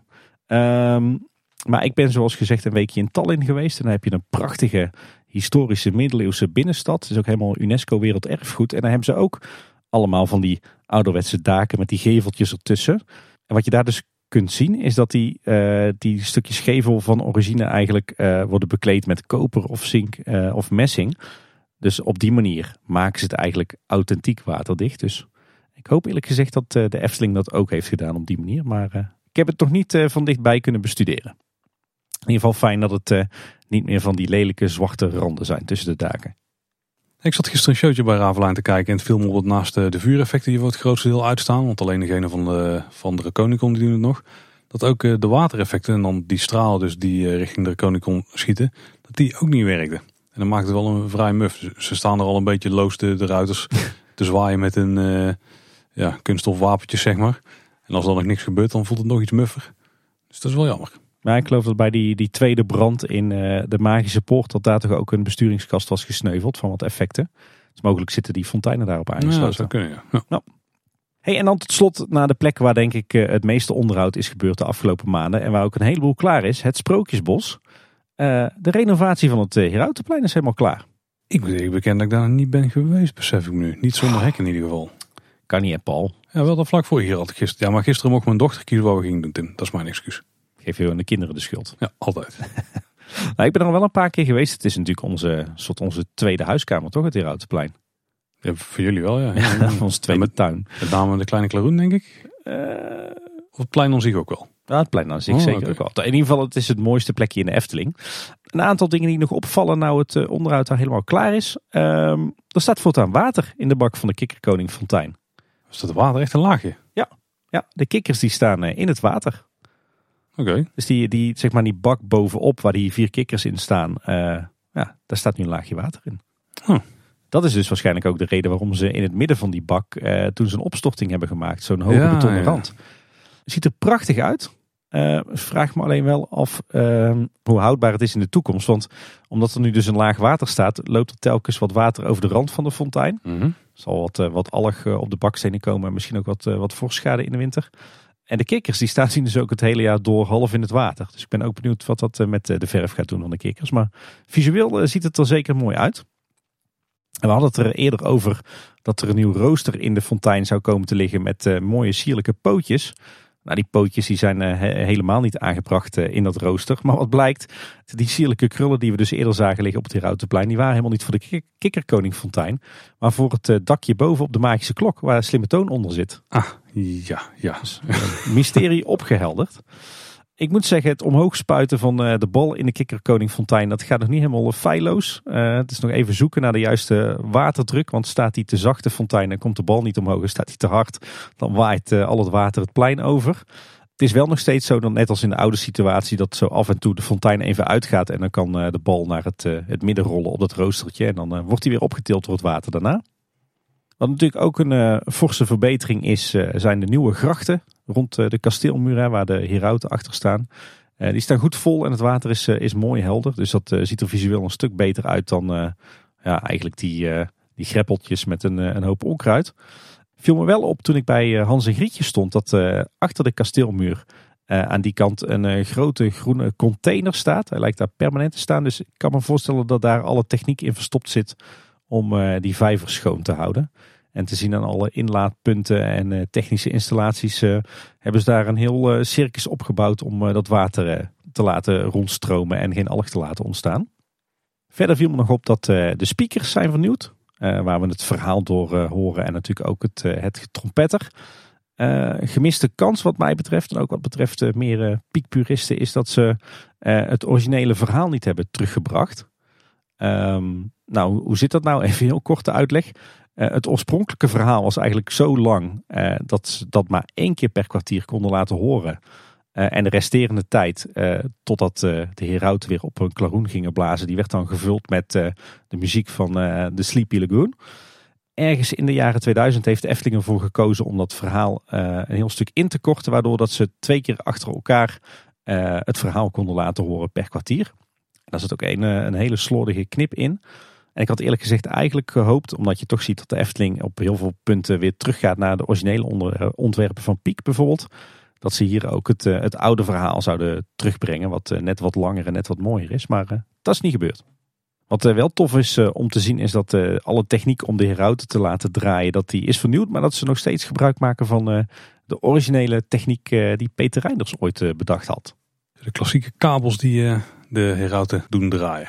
Ja, die mooi om schijven, platte schijven draaien. Ja. Heel tof om te zien dat ze aan dat oude ontwerp vasthouden moet zeggen dat de kasteelmuren nog wel erg kaal zijn en ook wel erg licht. Uh, misschien dat ze toch wat meer klimplanten tegen die muren aan moeten planten. Mm. Uh, zodat het snel weer, uh, de muren snel weer achter de hedera verborgen zijn. en hier ook een nieuw lichtplan. ik moet zeggen, ik vind het behoorlijk fel en nogal kleurrijk. Um, heel erg diep blauw op de muren, lila op de magische klok en, en geel op de herauten. Maar misschien is het gewoon een kwestie van wennen. Of ja, misschien komen de, de temperaturen van het licht gewoon anders over. Omdat het nu natuurlijk LED is. Uh, de kikkerkoningfontein die baat trouwens in het uh, witte licht. Wat vind je nou wel toen het klaar is? Want ik heb het dus nog niet gezien. Dus uh, ik kan er niet zo heel veel van vinden. Ja, ik moet zeggen, veel mensen waren tijdens de onderhoudsbeurt vrij kritisch. Ik was zelf, had zelfs ook wel hier en daar wat bedenkingen. Maar nee, ik ben eigenlijk wel, wel blij met het eindresultaat. Het plein is echt wel in oude luister hersteld. Kan er echt een jaar tegenaan. En uh, toch op een aantal punten wat, uh, wat mooie verbeteringen. Wat op dit moment denk ik het, het meest wennen is, is dat die kasteelmuren zo kaal zijn en zo in het oog springen. Omdat ze natuurlijk heel ja, relatief licht zijn ingeschaduwd. Maar ja, volgens mij is dat gewoon conform het originele ontwerp van Piek. En is het vooral gewoon wachten op begroeiing van die muren. Ik ga binnenkort eens even uitgebreid een rondje doen daar. Hoe ook hard wordt geklust is aan de paddenstoelengroep. De onderhoud lijkt ook bijna klaar te zijn. Dus zodra het helemaal klaar is gaan we het in detail doornemen. Maar een paar dingen zijn dus recent nog gebeurd. Twee paddenstoelen achteraan die hebben die polyester kragen gekregen. Uh, die hebben ze op die paddenstoelen daar gemodelleerd. Daarna zijn die er afgehaald en het gilduis voorzien van een laagje polyester. En toen weer teruggemonteerd ter plekke. En heel de, ja, noem het buitenruimte in dit geval is ook aangekleed. Er zijn nieuwe flagstones aangebracht. Er is een nieuwe houten poort geplaatst. Er zijn nu hekjes verschenen in de vijverrand. Die is opgemetseld met ijzelsteentjes. Al het nieuwe groen is ook aangeplant. En die flagstones zijn in de afgelopen dagen ook ingevoegd. Dus dit lijkt een heel klaar voor opening. Ja, zelfs de nieuwe decorverlichting is geplaatst. Natuurlijk eh, hier ook LED. Um, het lijkt er zelfs op dat het sprookje ook al is uitgelicht. Want volgens mij als je nu s'avonds door het sprookjesbos loopt, dan uh, baat het al gewoon in het uh, gekleurde licht. Oeh, netjes. Ik denk dat de volgende nieuwsaflevering dat dit gewoon al afgerond is. Het zou ook voor het eind van de zomer klaar zijn, toch? Dan hebben ze nog een paar dagen. Ja. Wat ook is afgerond is het eh, schilder onderuit aan langnek. Het ziet er weer helemaal goed uit. Kleuren lijken wat meer zijn aangezet dan eerst. Ook de vijver is opgeknapt. Hij staat nog wel in de hekken, dus hij doet het nog niet. Maar het hele project heeft heel lang in de stijgers gestaan. En dat is best opvallend. Hebben we toen ook al aangehaald, midden in het hoogseizoen. Zeker op die plek, midden in het Sprookjesbos, waar je toch gewoon altijd langs moet. Met een horecapuntje er tegenover. Eh, de hoofd en nek die waren verwijderd en die nek die lag dan op schagen op het plein. En de stijger die was ingeschild met witte folie, zodat ze daar buiten het weer konden werken. Ja, als je over de hekken keek, kon je dit uh, schouwspel gewoon zien liggen natuurlijk. Ja, zag je de nek van Langnek op, uh, op uh, schragen liggen. Ja, was een bijzonder gezicht. Maar goed, hij ziet er nu weer prachtig uit. en hij kan er ook weer een paar jaartjes tegenaan. En nog wat laatste korte onderhoudspuntjes. Ehm, bij Pinocchio wordt nog gewerkt aan de laatste loodjes van het onderhoud. het sprookje is weer gewoon open en in werking. Alleen ontbreekt er nog een, een uithangbord en de houten poort. Uh, de vos en de kat die zijn een tijdje weg geweest. Inmiddels weer terug en die bewegen weer uh, heel soepel. Dus die hebben ook hun, uh, hun noodzakelijk onderhoud gehad. Bij het Doornroosje zijn wat bomen gekapt, lijkt het. Want links van de toren is het ineens heel erg kaal. Hopelijk komen daar wat nieuwe bomen terug. En Draak Lichtgeraakt die blijft toch problemen houden met de beweging van zijn nek. En daardoor beschadigen de schubben ook heel erg. Dus ik zag dat hij vandaag ook weer in storing stond. Dus dat is een nieuw zorgenkindje. In het eh, kasteeltje van de stiefmoeder van Sneeuwwitje hangen nu prachtige uh, nieuwe vanos aan het plafond. Ze moeten daar alleen nog steeds die kaarslampen repareren die door een onverlaten zijn beschadigd en, en gejat een heel aantal maanden geleden. Ehm, en bij de nieuwe kleren van de keizer is een mooi nieuw gedetailleerd rooster aangebracht in de vijverbak. Die was een tijdje geleden flink beschadigd bij onderhoud. En die is nu vervangen door een vergelijkbaar exemplaar. En hebben het Eftelingpark gehad in de wereld van de Efteling? Hebben ze daar stilgezeten? Nee, absoluut niet. Want uh, het uh, groot onderhoud aan de buitengevels van het uh, Efteling Hotel is gereed. Dus alle stijgers daar hebben afscheid van kunnen nemen? Ja, gelukkig wel. Want het is toch een beetje het visitekaartje van het park. Hè? En we hebben nu dus van die messing torens. Hè? Ik, ik, moet zeggen, het was wennen. Maar ik weet niet of dat het per se beter is. Maar ik vind het ook niet per se minder. Ik dacht in eerste instantie van, oh, dat is toch een lichte achteruitgang. Een contrast mist een beetje. Ik begin er wel aan te wennen, hoe vaker ik het zie. Ja, ik moet zeggen dat de, de, de kleurencombinatie waar ze nu voor gekozen hebben, dat, uh, dat ik daar wel aan kan wennen. Ik vraag me alleen af hoe lang dat, dat, dat schilderwerk van die torens goed blijft. Want het lijkt nu al een beetje alsof ze alsof het niet helemaal dekt of zo. Alsof dat, oh. Ja, ik weet niet. Misschien ligt dat daar, eraan omdat ze uh, van die metaalverf hebben uh, gebruikt. En dat ja, het ziet er niet helemaal even uit op de een of andere manier. Oeh, dan mag toch leiden dat het wel een tijdje erop blijft zitten. Ja. Maar op zich wel een mooie kleur. En niet zo snel wordt als het oranje van eh, de oude daken. Ja, ben benieuwd. Moet nog wel wennen aan het feit dat we niet uh, zo'n mooi groot bord Efteling Hotel op de voorkant meer hebben hangen. Nou, verder, het, uh, het hotel knapt echt wel op van die nieuwe, meer eigentijdse kleurencombinatie hoor. Nou, nog even wat kleine puntjes. Het, het, lijkt erop dat een van de grote borden boven het tunneltje vanaf het busstation richting de entree is gesneuveld. Of misschien is die in onderhoud, maar die is in ieder geval weggehaald. En in Bosrijk hebben ze de slagboom bij een van de zijingangen, bij de duinwoningen, een metertje of 25 naar achteren geplaatst. Uh, waarschijnlijk uh, om te voorkomen dat er uh, opstoppingen ontstaan op de Eftelingse straat als daar wat auto's in de rij staan om Bosrijk binnen te rijden. En met het Loonse Land hebben ze de bewegwijzering vervangen. Het is niet meer van een gevreesd hout. Er zit nu een, een printje op een bord, beter leesbaar. Dat is ook wat eerder al is gebeurd bij Bosrijk. Hè?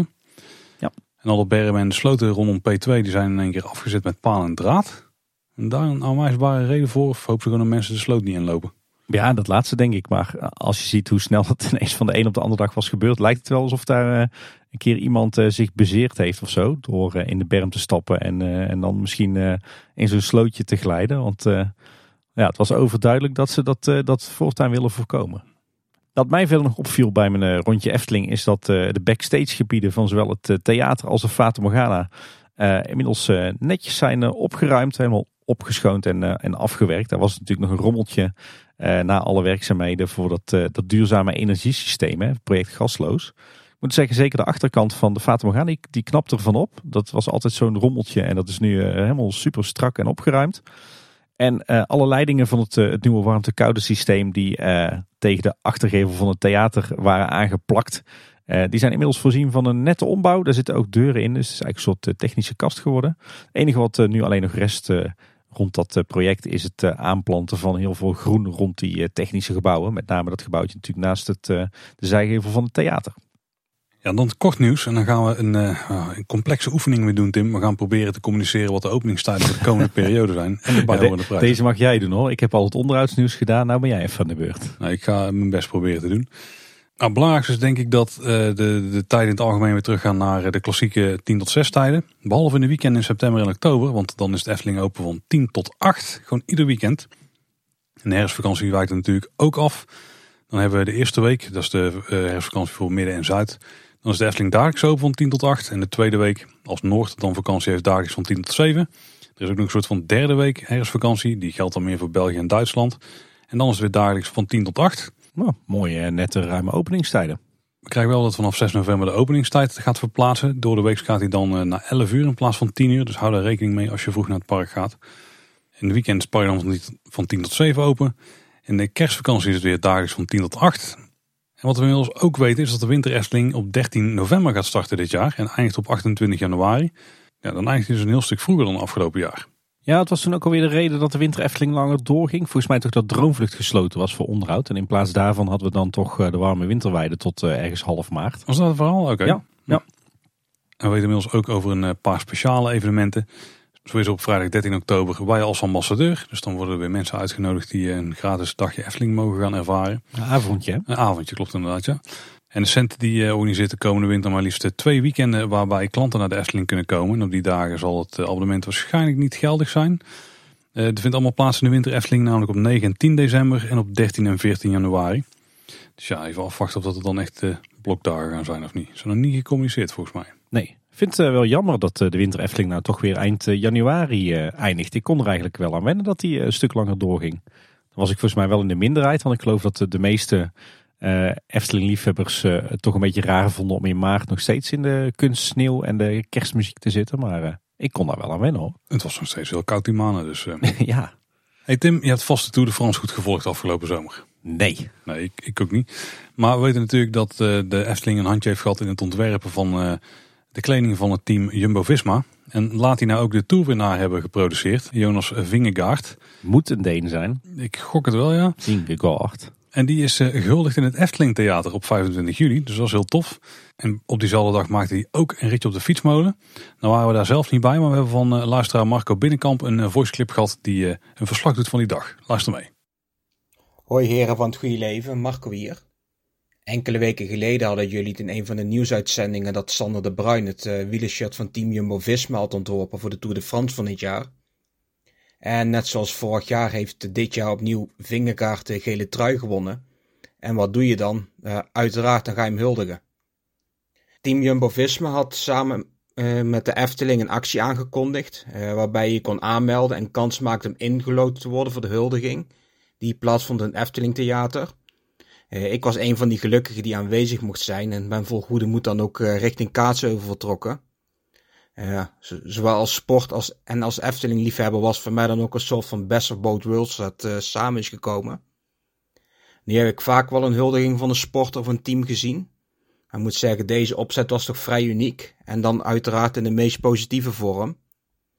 Het begon weliswaar een half uur later dan gepland, omdat hij uitgerekend uh, nu een lekker band had gekregen op weg naar de Efteling. Maar ja, beter nu dan uiteraard tijdens de tour. Maar verder was het gewoon heel origineel en ook heel leuk in elkaar gezet.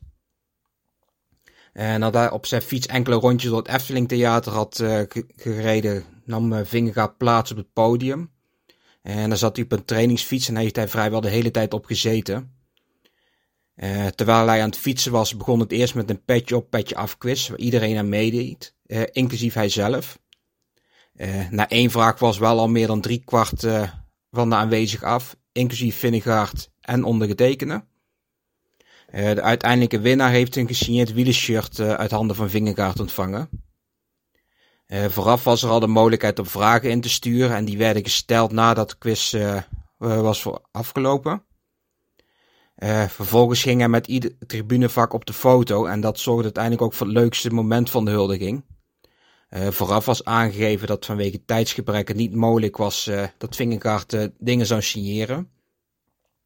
Maar ja, als een winnaar van de Tour de France uh, letterlijk recht voor je neus staat, uh, trok iemand toch zijn stoute schoenen aan en vroeg of hij een petje wilde signeren.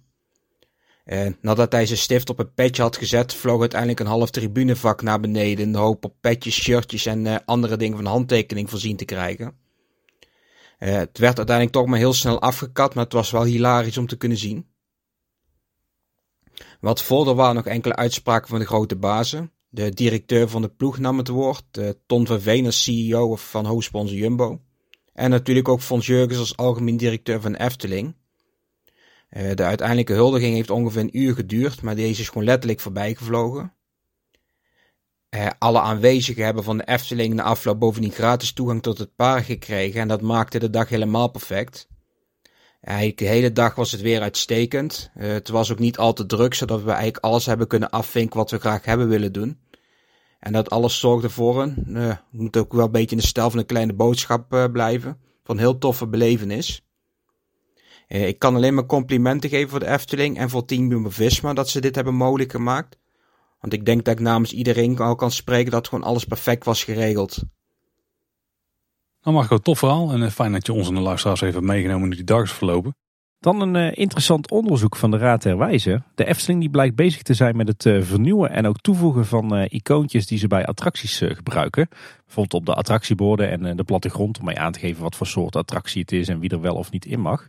En een aantal leden van de Raad der Wijze die ontvingen een, een enquête naar die nieuwe icoontjes. Waarbij de vraag werd gesteld om die icoontjes te beoordelen. Dus waarschijnlijk zien we binnenkort op de plattegronden en de attractieborden andere iconen. er zijn nieuwe plattegronden. en wat daarbij opvalt is dat de Efteling ervoor heeft gekozen om de drie elfjes die op een tak zitten in de Elfentuin, in Droomvlucht, om die op de voorkant te zetten. Ehm, ja, daarmee lijken ze toch een statement te maken op het gebied van diversiteit. Daarmee zetten ze natuurlijk de, de nieuwe elfjes met een, een andere huidskleur in het zonnetje. Een hele mooie. Ja, dan nog een interessant gerucht. Want in 2024 zou er misschien weer een ingang Oost gaan komen. In het, uh, bij het Ruigrijk. Die ingang die zou dan gebruikt gaan worden voor touringcars en schoolreisjes. Houdt mogelijk verband met uh, de bouw van een parkeergarage uh, ter hoogte van het huidige café de Efteling. Iets natuurlijk wat we ook in het bestemmingsplan heel vaak voorbij hebben zien komen. Hè. Daar een, een extra parkeerterrein langs de N261. café de Efteling zou dan moeten verdwijnen. Uh, maar er zou op dit moment gezocht worden naar een vervangende locatie binnen de wereld van de Efteling. Waarbij de klassieke bar zou mee verhuizen. Maar interessant, mogelijk dat er dus ergens de komende tijd uh, een parkeerterrein aangelegd wordt uh, tussen de Horst en de N261. En dat dat betekent dat we weer een extra ingang tot het park gaan krijgen. En dan nog wat horeca nieuws. Er is een nieuwe souvenir die je krijgt bij de kinderpannenkoek in Polleskeuken. En dat is in dit geval een boterkaas en pannenkoeken magnetisch spel. Natuurlijk gebaseerd op boterkaas en eieren. En je kunt voortaan zelf refills kopen voor de Coca-Cola Freestyle automaten. Tenminste voor die bekers die erbij zitten met schermpjes die naast de automaat hangen. En jij bent volgens mij ook nog bij Bosrijk uh, gaan checken wat de nieuwe lunchgerechten zijn, Tim? Ja, nou, we waren sowieso in uh, Bosrijk voor een lunch. Niet speciaal om die gerechten te checken. Maar uh, er staan inderdaad wat leuke nieuwe lunchgerechten op de kaart in het eethuis. Wat uh, alweer een hele tijd geleden is dat, uh, dat er wat vernieuwing op die kaart was. Uh, zo kan je nu een aantal sandwiches krijgen. Een sandwich boerenkaas, een sandwich kippendij of een sandwich hummus. En er is nu ook een, staat nu ook een focaccia serrano ham op de menukaart en een brood met carpaccio. Dus wat lekkere nieuwe lunchgerechtjes daar. Ook nog wat merchandise updates en best wel een grote trouwens. Er zijn nieuwe Ducaten bij Ezeltje Strekje. En daarbij zijn er zelfs twee met een volledig nieuw ontwerp. En daarop staan draak lichtgeraakt en zes zwanen. Nu is het wel zo dat het kasteel van Doornroosje en de Gansoester niet langer op de munt staan. Ja, er waren toch wel eh, heel wat Efteling-liefhebbers die ervan baalden dat, eh, dat die twee eh, klassieke uitbeeldingen niet meer op de munten staan. Lijkt er trouwens gewoon op dat de Efteling een nieuwe leverancier heeft gezocht voor deze ducaten. Um, en dat, dat die leverancier ook allemaal nieuwe mallen heeft moeten maken voor die kunststof ducaten. Want ze zien er allemaal stiekem toch wat anders uit. Een andere kleur goud, wat strakkere lijnen. En luisteraar Ruben van der Ven die wees ons er ook op dat uh, de beeldenis van Hex en met name Kleine Boodschap die op de achterzijde van de Ducaat staan, dat die ook behoorlijk zijn uh, aangepast. Kleine Boodschap zit nu namelijk op een muurtje en heel opvallend heeft nu ineens een muts met twee punten. En dat is een uh, zuidelijke buurman. Ploppen de plop. ja, precies. Dus ja, nieuwe ontwerpen en nieuwe mallen voor de Ducaten van Ezeltje Strekje voor de liefhebber van gezelschapsspellen is er een nieuw spelletje in de collectie van de Efteling te vinden. Efteling Pim Pet. Met uh, uiteraard als thema de Efteling. En uh, de handvraag daarbij bij het spel is natuurlijk, wie weet er het meeste van Efteling? Moeten wij dit een keer gaan spelen Tim? Ik denk het wel. Het is geschikt voor kinderen vanaf 6 jaar. Voor 2 tot 8 spelers. Kost 16 euro en is verkrijgbaar bij Efteldingen. Maar ook in de betere speelgoedwinkels. Nou, we zitten er uh, sterk aan te denken deze doos te kopen. Een spelletje in de familie Hinses huishouden. Dat is toch dat is best een uh, unicum, ja. Nou. Ja, gebeurt zelden of nooit. Maar deze, deze sprak wel aan. Het was eh, afgelopen 16 augustus International Roller Coaster Day. En speciaal daarvoor heeft Efteling wat nieuwe souvenirs in de achtbaanlijn gelanceerd. Zoals een strandlaken en een bewaarblik. Eventueel zelfs met snoepjes die laatste. En die kun je ieder in de vijf varianten van de achtbaan in de Efteling vinden. Eigenlijk eh, alle achtbanen behalve Max en Moritz. Hè? Die heeft natuurlijk zijn eigen souvenirlijn met scheetkussens en zo. Ja. Strandlaken is verkrijgbaar bij de Jolige Jutter en bij de fotopuntjes van de achtbaan in kwestie voor 20 euro. Het bewaarblik kun je krijgen bij, zoals het ook hoort dan denk ik in ieder geval, de verleiding voor 7,50 euro of 14 euro als je hem gevuld wil hebben met snoep. Vanaf 27 september ligt ook het derde en laatste boek van de Ravelijn trilogie van Paul Verloon in de boekwinkel. Dit heeft een stuk minder voet in aarde gehad dan eh, deel 2 van die serie. En die heet Het bloed van de laatste draak. We hebben het er volgens mij al een keer eerder over gehad. Ja, en nu is inderdaad de release datum eh, bekend. Mag ik eens eh, de knuppel in het hoenderok gooien, Paul? Ik zie weinig uh, kippen hier, maar doe eens je best. Ik denk dat de Efteling eens een keer een, eh, een samenwerking moet aangaan met een hele andere griezelauteur. Stephen King. Uh, zou ook kunnen. Ik weet niet of die daar beschikbaar voor is. Nou ja, Paul van Loon is natuurlijk een ontzettend goede kinderboekenschrijver en griezelboekenschrijver. Maar ik denk dat hij op dit moment in Nederland toch wel door de troon wordt gestoten, van de troon wordt gestoten door een andere griezelboeken of horrorboekenschrijver. Namelijk Thomas Oldeheuvelt. Jonge gast die inmiddels vier enorm succesvolle boeken heeft uitgebracht. Allemaal erg griezelig, maar zeg maar niet echt die horror of Halloween manier. Maar een beetje, ja, dat gewoon ja, bijna knus, gezellig griezelen. net wat heftiger en wat spannender dan de boeken van Paul Verloon. denk ik ook net wat vermakelijker voor volwassenen. En volgens mij zit daar best wel een, eh, een hele toffe samenwerking in. Ik denk dat hij best wel voor de Efteling wat, eh, wat toffe verhalen zou kunnen schrijven. Dus uh, ik zou zeggen, stap een keer af van Paul van Loon en ga eens, geef Thomas Oldeheuvel eens een kansje. Ik denk niet dat het per se een knuppel en een hoenderok is. Ik denk dat het gewoon in het algemeen wel een prima idee is, Tim. En het kan ook naast elkaar, hè? Ja, zeker. Hey Tim, weet je nog die LinkedIn-post van die vertrekkende ontwerpcoördinator? Ja. Er stond ook wel een hint dat er werd gewerkt aan plannen voor een grotere innovatie van uh, Efteldingen. Die winkel zou wel eens een nieuw interieur kunnen krijgen huidige interieur stond in 2007. De winkel zelf opende in 1995. Maar misschien is het in het jaar 2024 wel tijd voor een nieuw interieur. Als we zo eh, de lijst opstellen van alle geruchten die we in deze aflevering hebben opgesomd, dan uh, zit de hele investeringsplanning van 2024 ook uh, onderhand al vol. Daar lijkt het zeker op, ja. ja. Een nieuw Baron 1898 is een attractievideo naast de attractiefoto. Zowel tof is een montage van verschillende videobeelden van de trein op de, op de bovenkant van de lifthill en het naar beneden vallen daarvan. Um, het zijn beelden zeg maar, die van tevoren zijn geschoten met animaties erbij. Maar ook beelden van jouzelf in de achtbaan hangend eh, klaar om naar beneden te donderen. Dus ook wat uh, witte wieven animaties uh, op verschillende plekken bij. Bij het fotopunt van een bron kun je dus de video zien. En als je een digifotopas koopt kun je zowel de video als de actiefoto downloaden en online delen. En dat is dus de reden in waar al die tijdelijke camera's langs de baan van bron 1898 voor bedoeld waren. Die wij regelmatig hebben besproken. Ja, hier hebben ze dus heel lang aan gewerkt aan dit, dit nieuwe product. Echt, eh, echt ontzettend gaaf wat ik er tot nu toe van heb gezien. Ik heb eh, begrepen dat dit een jaar of vier geleden is begonnen. En eh, wat wel tof is, Bart Baan die pitchte dit idee op een event bij de Efteling in 2019. Er waren al systemen in Amerika die dit ook al deden. En omdat Bart hier een beetje van aan de wieg stond, mocht hij het nieuws zelf aankondigen via zijn YouTube kanaal. Dus daar kun je het uitgebreid vinden. Er zit ook een heel klein stukje slow motion in op het moment van het vallen. Ik heb wel wel gezien dat de beste plek waar je wordt vastgelegd is wel de middelste rij. Dus misschien iets om ah, rekening mee te houden als je hem wil vastleggen. Ja, ik geloof, dat, ik geloof dat de camera die dit opneemt, dat die op het, uh, het gebouw van de Piranha staat. Hè? Klopt, ja. Ja, ja. ja, ja. ontzettend gaaf dat, uh, dat dit uh, idee van Bart werkelijkheid is geworden. En dat hij het zelf mocht aankondigen op YouTube. We zullen wel een linkje naar het filmpje in de show notes zetten. Gefeliciteerd Bart.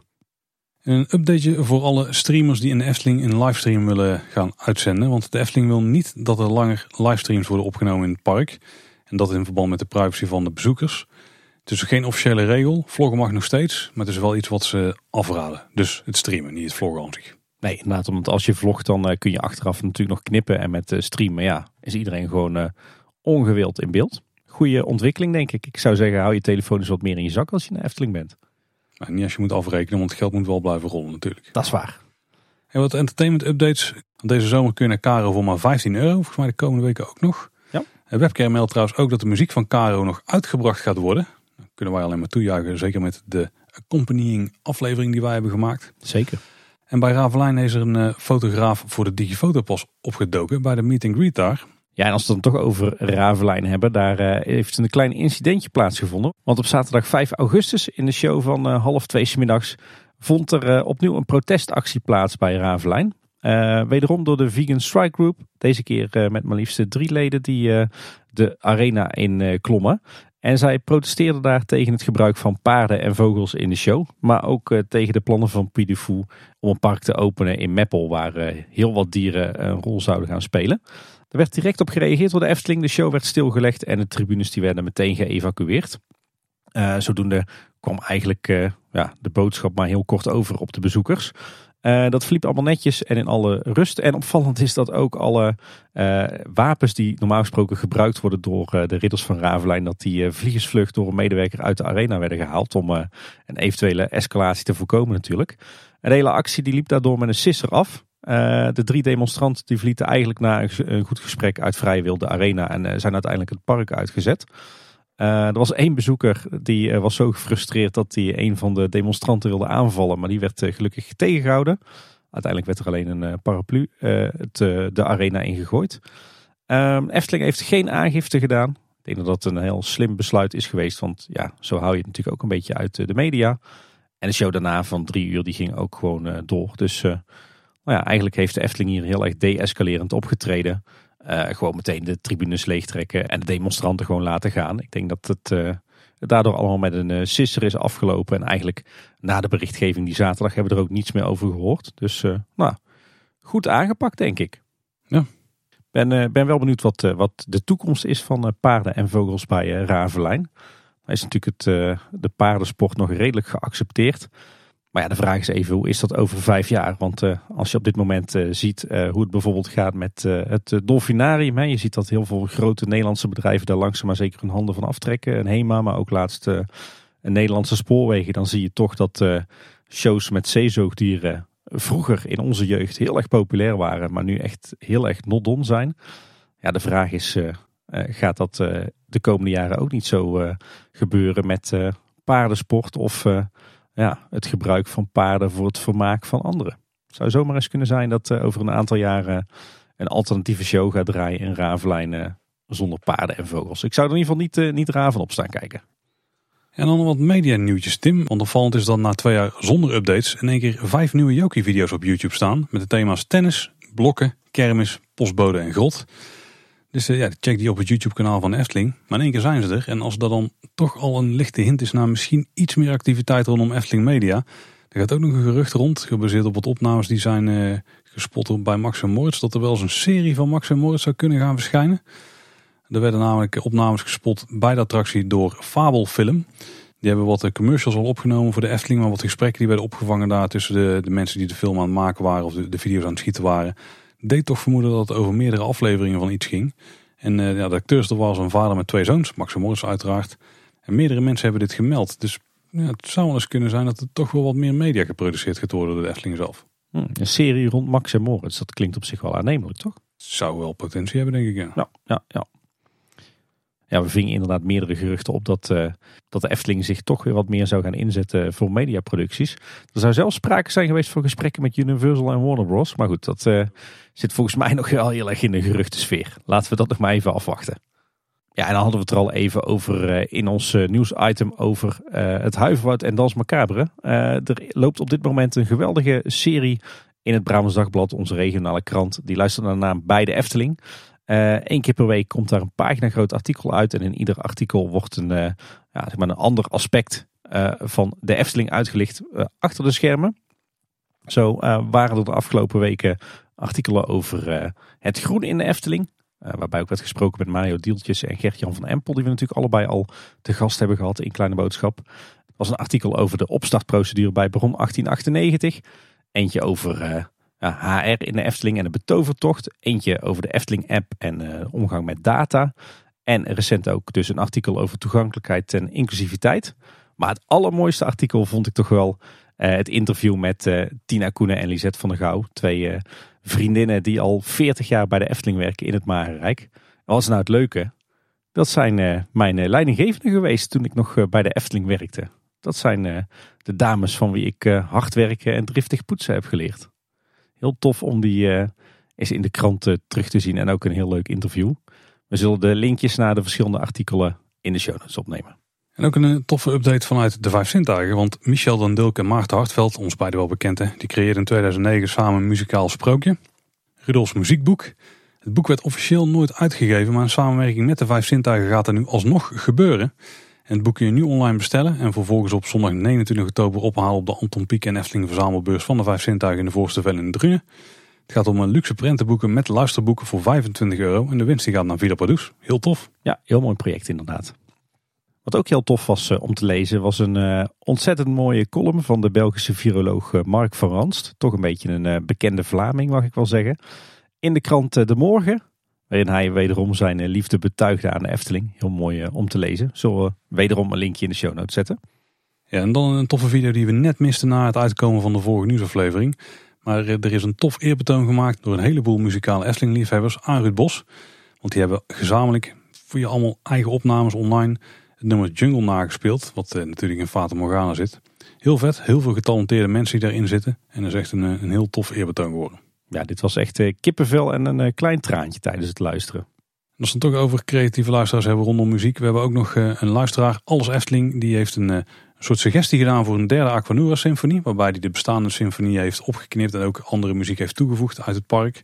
Om zo tot een potentiële derde symfonie te komen voor Aquanura. En ik moet zeggen, dat heeft wel wat potentie hoor. Ja, dat klonk goed inderdaad, ja. Dus check dat linkje ook in de show notes. Ja, en dan nog twee laatste leuke fannieuwtjes. Uh, ook een luisteraar van ons, Juri Dame, natuurlijk bekend van zijn Efteling toilet. Die was zowaar te gast bij eh, Editie NL op televisie, maar ook een tof artikel op de site van RTL Nieuws. Ook daar zullen we naar linken. En ook leuk, van 18 tot en met 24 oktober staan uh, twee bekende Lego modellen van uh, Roeland van der Wallen. groot Efteling-liefhebber, volgens mij een Belg die in Denemarken woont en luisteraar van Kleine Boodschap. Die staan op Lego World in de jaarbeurs in Utrecht. En dat zijn zijn Lego-versies van de pagode en het Efteling Hotel. Die laatste heeft hij recent helemaal in elkaar gezet denk ik uh, absoluut een aanrader als je wat hebt met uh, de Efteling en met Lego. Er zijn dat kort nieuws heen, Tim. Maar we hebben ook nog natuurlijk uit de periferie. Maar ik heb het idee dat dit meer een soort van blokjes waar we het kopje Europalaan boven zouden kunnen plakken. ja, inderdaad. Uh, we hebben heel veel nieuwtjes uit de periferie. Maar ik heb me deze keer maar vooral gefocust op alles wat er op en rond de Europalaan staat te gebeuren. En er is stiekem best wel veel. ja. Uh, wat gaat er gebeuren? Uh, de gemeente Loon op Zand die is van plan om de Europalaan wederom aan te passen. Uh, het wisselstrooksysteem, wat daar natuurlijk een paar jaar geleden is geïnstalleerd, werkt goed, maar nog lang niet goed genoeg. Want wanneer er s ochtends drie rijstroken naar de Efteling openstaan, dan wordt vaak de meest rechte rijstrook niet gebruikt. Dat is ook wel mijn ervaring, moet ik zeggen. daarom is het plan nu om kantelwalsborden aan te brengen. Die moest ik even googlen. Maar het gaat zeg maar om de, de gebruikelijke blauwe borden. Hè. Nou, mensen noemen dat vaak de ANWB-bewegwijzering. Alhoewel de ANWB die helemaal niet meer maakt. Uh, maar die komen bovenop de portalen van het wisselstrooksysteem te staan. En boven de rijstroken die op dat moment open zijn voor het inrijden van de Efteling, dan uh, zal in een bruin vlak Efteling komen te staan. Zodat duidelijk is dat je ook echt al die drie uh, rijstroken kunt gebruiken als je naar de Efteling wil. En sluit dan zo'n rijstrook, omdat de rijrichting verandert, dan uh, draait die aanduiding Efteling weg. En op die manier willen ze eigenlijk stimuleren dat ja, de bezoekers van de Efteling dus echt alle drie de rijstroken gebruiken. De kosten van die aanpassing die bedragen 250.000 euro. Komt onder andere omdat er extra stroomvoorzieningen moeten worden aangelegd en het werk grotendeels s'nachts uitgevoerd moet worden. De gemeente die zou dit bedrag volledig gaan betalen, maar de gemeenteraad moet het nog wel goedkeuren en in november gaan ze erover besluiten. Nou waren die werkzaamheden eigenlijk al eerder gepland, nog voor de coronacrisis. Uh, dus ja, dit is nog een, beetje de nabrander van werkzaamheden die ingehaald moeten worden. Dan is het ook nog zo dat de inwoners van Kaatsheuvel not amused zijn. Want ja, die eh, lege rechte rijstrook die is best wel handig voor de mensen die ochtends het dorp zelf uh, in moeten. En voor de hulpdiensten. En ze denken natuurlijk ook dat de Efteling er helemaal niks aan mee betaalt. Maar ja, technisch gezien is het natuurlijk niet helemaal waar. Ze betalen misschien niet direct aan dit project. Maar ze betalen wel indirect uh, belastingen en heffingen aan de gemeente. En we weten uit uh, onze meest recente aflevering over de financiën van de Efteling, hè, bij monden van Bas van Tilburg, dat het dan gaat om uh, meerdere miljoenen die de Efteling jaarlijks aan de gemeente af, afdraagt. Kunnen een stukje daarvan naar deze borden schuiven. Zeker. Overigens, als je in Kaatsheuvel woont, dan weet je dat je s ochtends vroeg niet uh, het dorp binnen moet rijden via de Europalaan. Maar even één afslag eerder of één afslag later van de N62 moet nemen, toch? Ja, vooral er ligt eraan welke kant je afkomt. Inderdaad, ja. Maar ze kunnen allebei, hè? Overigens lezen we ook in de krantenartikelen dat eh, de bewegwijziging op de borden vanaf de afritten eigenlijk ook onduidelijk is en zorgt voor verwarring en het verkeerd gebruik en benutten van die rijstroken. Maar die wordt vooralsnog niet aangepast, want dat is uh, niet aan de gemeente, maar aan de provincie. En wordt gemeld dat het verkeer s ochtends ook vaak vaststaat op de Europalaan vanuit de andere richting, vanuit het uh, dorp of vanuit richting Dongen. Maar daar kan de gemeente echt niks aan, aan doen, want daar is echt nergens ruimte voor extra rijstroken. Er wordt ook gewerkt aan de reparatie van een verkeerslicht op de Europalaan. Die vallen regelmatig uit, hebben we ook al een paar keer gemeld. En dat leidt dan tot opstoppingen en in sommige gevallen ook ongevallen. Wethouder Jan Brekelmans zegt erover, heel vervelend. De laatste tijd is het bijna elke week raak. We hebben al van alles geprobeerd, alles doorgemeten, lampen vervangen, de kappen, nieuwe bedrading. Maar we hebben het probleem nog niet gevonden. We dachten eerst aan vochtende verkeerslichten, maar dat is het ook niet. Het is een flinke kostenpost. Elke keer moeten er opnieuw monteurs naartoe. En ook worden er regelmatig verkeersregelaars ingezet. Ik moet wel zeggen, de laatste weken gaat het toch goed. Dus misschien hebben ze het ei van Columbus uh, gevonden. Ja, als die in die uh, lampen zaten, dan snap ik wel dat het misschien niet werkt. Ja, ja precies. Hey, als we het dan toch hebben over verkeer en ongevallen. Het valt me op dat uh, de afgelopen twee weken er ook verschillende botsingen zijn geweest met auto's op de op- en afritten van de N261 bij het Efteling Hotel. vaak gelukkig alleen blikschade, maar ja, het is toch een behoorlijke domper aan het einde van je Eftelingdag. de oorzaak is officieel nog onbekend.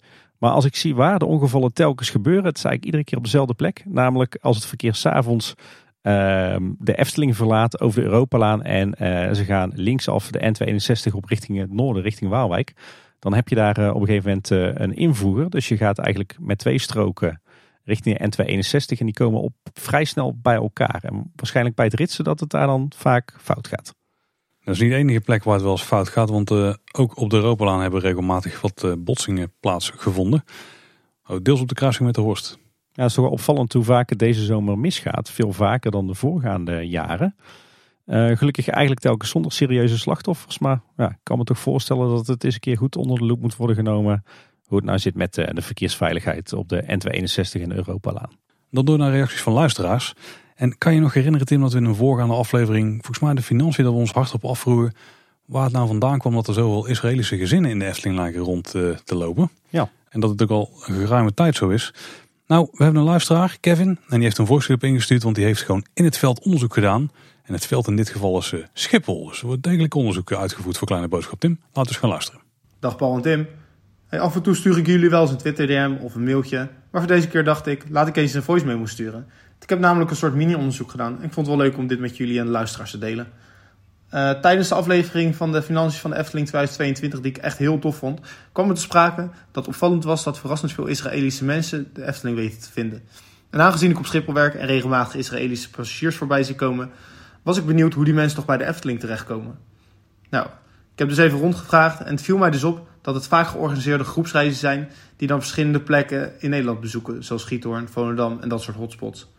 Nou, en steeds vaker komt de Efteling dus voor in dat rijtje, dus dat is erg tof. Natuurlijk vraag ik de mensen dan ook even hoe ze het hebben gehad in het park en wat hun hoogtepunten waren. Nou, bij volwassenen komt vaak naar voren dat ze het park echt prachtig vinden vanwege de natuur, de aankleding en het bijzondere Fairy Tale Forest. Kinderen noemen vaak Joris en de Draak, of hoe zij het noemen, de Wooden Coaster, het hoogtepunt van het park. En Baron 1898 doet echt goed bij de jongvolwassenen. Nou, tot zover mijn mini-onderzoek. Het is niet heel spannend, maar ik vond het toch leuk om dit even te delen met jullie. Succes nog met de podcast en wie weet zien we elkaar alweer in de Efteling. Houdoe maar. Nou, super tof Kevin en super interessant dat je dit voor ons hebt uitgezocht. Misschien kunnen we in de toekomst nog vaker gebruik maken van jouw diensten, want dit was heel verhelderend. We hebben echt overal luisteraars zitten hè? Ja, heel tof. Een hele eer dat zelfs bij de Marechaussee naar Kleine Boodschap wordt geluisterd. Ja, zeker, zeker. We hebben de afgelopen weken nog heel veel meer uh, leuke vragen en reacties binnengekregen. En een heleboel voice clips. Maar die uh, schuiven we even door naar een kortere nieuwsaflevering. En zijn we aangekomen bij En dan nog dit Tim. Ja, nou ben ik wel benieuwd Paul. Uh, je teasde net al een klein beetje in de inleiding van deze nieuwsaflevering. Maar wat ben je nou deze zomer precies gaan doen daar in het Hoge Noorden? Ja, dit blijft ook nog steeds een teaser denk ik. Want uiteindelijk komt er gewoon een, de buitenwereld waar we het uitgebreid in uitleggen. Maar grofweg zijn we met een, een boot naar Noorwegen gegaan. Uh, daar hebben we in het zuidelijk deel van het land rondgereden. Dus echt onder de lijn bergen Oslo. Uh, en toen zaten we boven Oslo en toen, uh, toen wilden we vanaf daar Zweden ingaan. Want we zouden terugrijden via Zweden en Denemarken. Maar toen kwam Storm Hans dus de hoek om, ja, omgevlogen of zo. En die gooide heel veel water over Scandinavië heen. Wat, wat onze route een beetje heeft doen omleggen. uiteindelijk zijn we dus toen nog wat langer in Noorwegen blijven hangen. Maar dan onder Oslo, maar dan ten zuidoosten van Oslo. Gewoon echt een hele stukje, klein stukje Noorwegen wat daar nog zat. Um, want er was op een gegeven moment al een kaart gevonden met allerlei gekleurde vlekken. En dan de rode vlekken, dat was niet goed. Dat moest je niet zijn. maar daar zaten we op dat moment, dat we die kaart ontdekten dus wel in. En daarna had je nog een oranje rand en een gele rand. En daarbuiten was het weer wit. Dus toen waren we zo snel mogelijk naar een, een gele rand gereden. En toen hebben we eigenlijk uh, ja, die uitbreiding van die vlekken steeds gewoon zo een beetje voorgebleven. Jullie waren een soort, uh, soort uh, omgekeerde stormchasers ja, eigenlijk. eigenlijk wel. Ja, ja. Stormrunners. En toen zijn we vanaf daar zijn we de Zweden ingegaan. Uh, uiteindelijk in Göteborg terechtgekomen en een bezoekje gebracht aan Liseberg. Liseberg. Waarbij ik moet zeggen dat die, uh, die banaanbaan van ze, dat ding, uh, daar heb ik me iets anders herinnerd dan dat die in de praktijk bleek te zijn. We liepen daarvoor, ik zeg, oh ja, dit is een leuk baantje. Daar hebben we de vorige keer toen ingezeten, een beetje rustig aan zo naar beneden zoeven. Maar dat ding gaat echt gruwelijk hard. dat, was ik, dat was me niet bijgebleven van de vorige keer. Maar daar zijn we dus met het hele gezin in geweest. Je wordt oud, Paltje. Ja, misschien is het dat. Misschien is dat. De vorige ja. keer viel het niet zo uh, op dat hij zwart ging en nu wel. Dat zal het zijn geweest. Het is ook al wat grijs uh, ontstaan. Het was toch maar vier jaar geleden. Maar... Oh. Hmm. En Helix blijft gewoon een, een, hele vette baan. En we hebben die nieuwe Dark Ride ook gedaan trouwens. Ook best leuk. De Canine Landed. Ja, Underlanded heet ja, het volgens ja. mij dat ding. Dus uh, een toffe dag gehad daar. En toen zijn we verder naar het zuiden afgezakt. Hebben we het Ikea museum bezocht in. in oh, ik was zo jaloers. Ja, ja. In, het alle, in de allereerste Ikea ooit zit hij. En uh, om dat goed te maken dat daar geen Ikea meer zit, hebben ze daar een gruwelijk grote op een paar kilometer afstand van neergelegd. Waarom weet ik niet, want het is echt in de middle of nowhere, heel het dorp. Maar een beetje ja, prestatie hoort er gewoon bij of zo. Ik, weet het ook niet.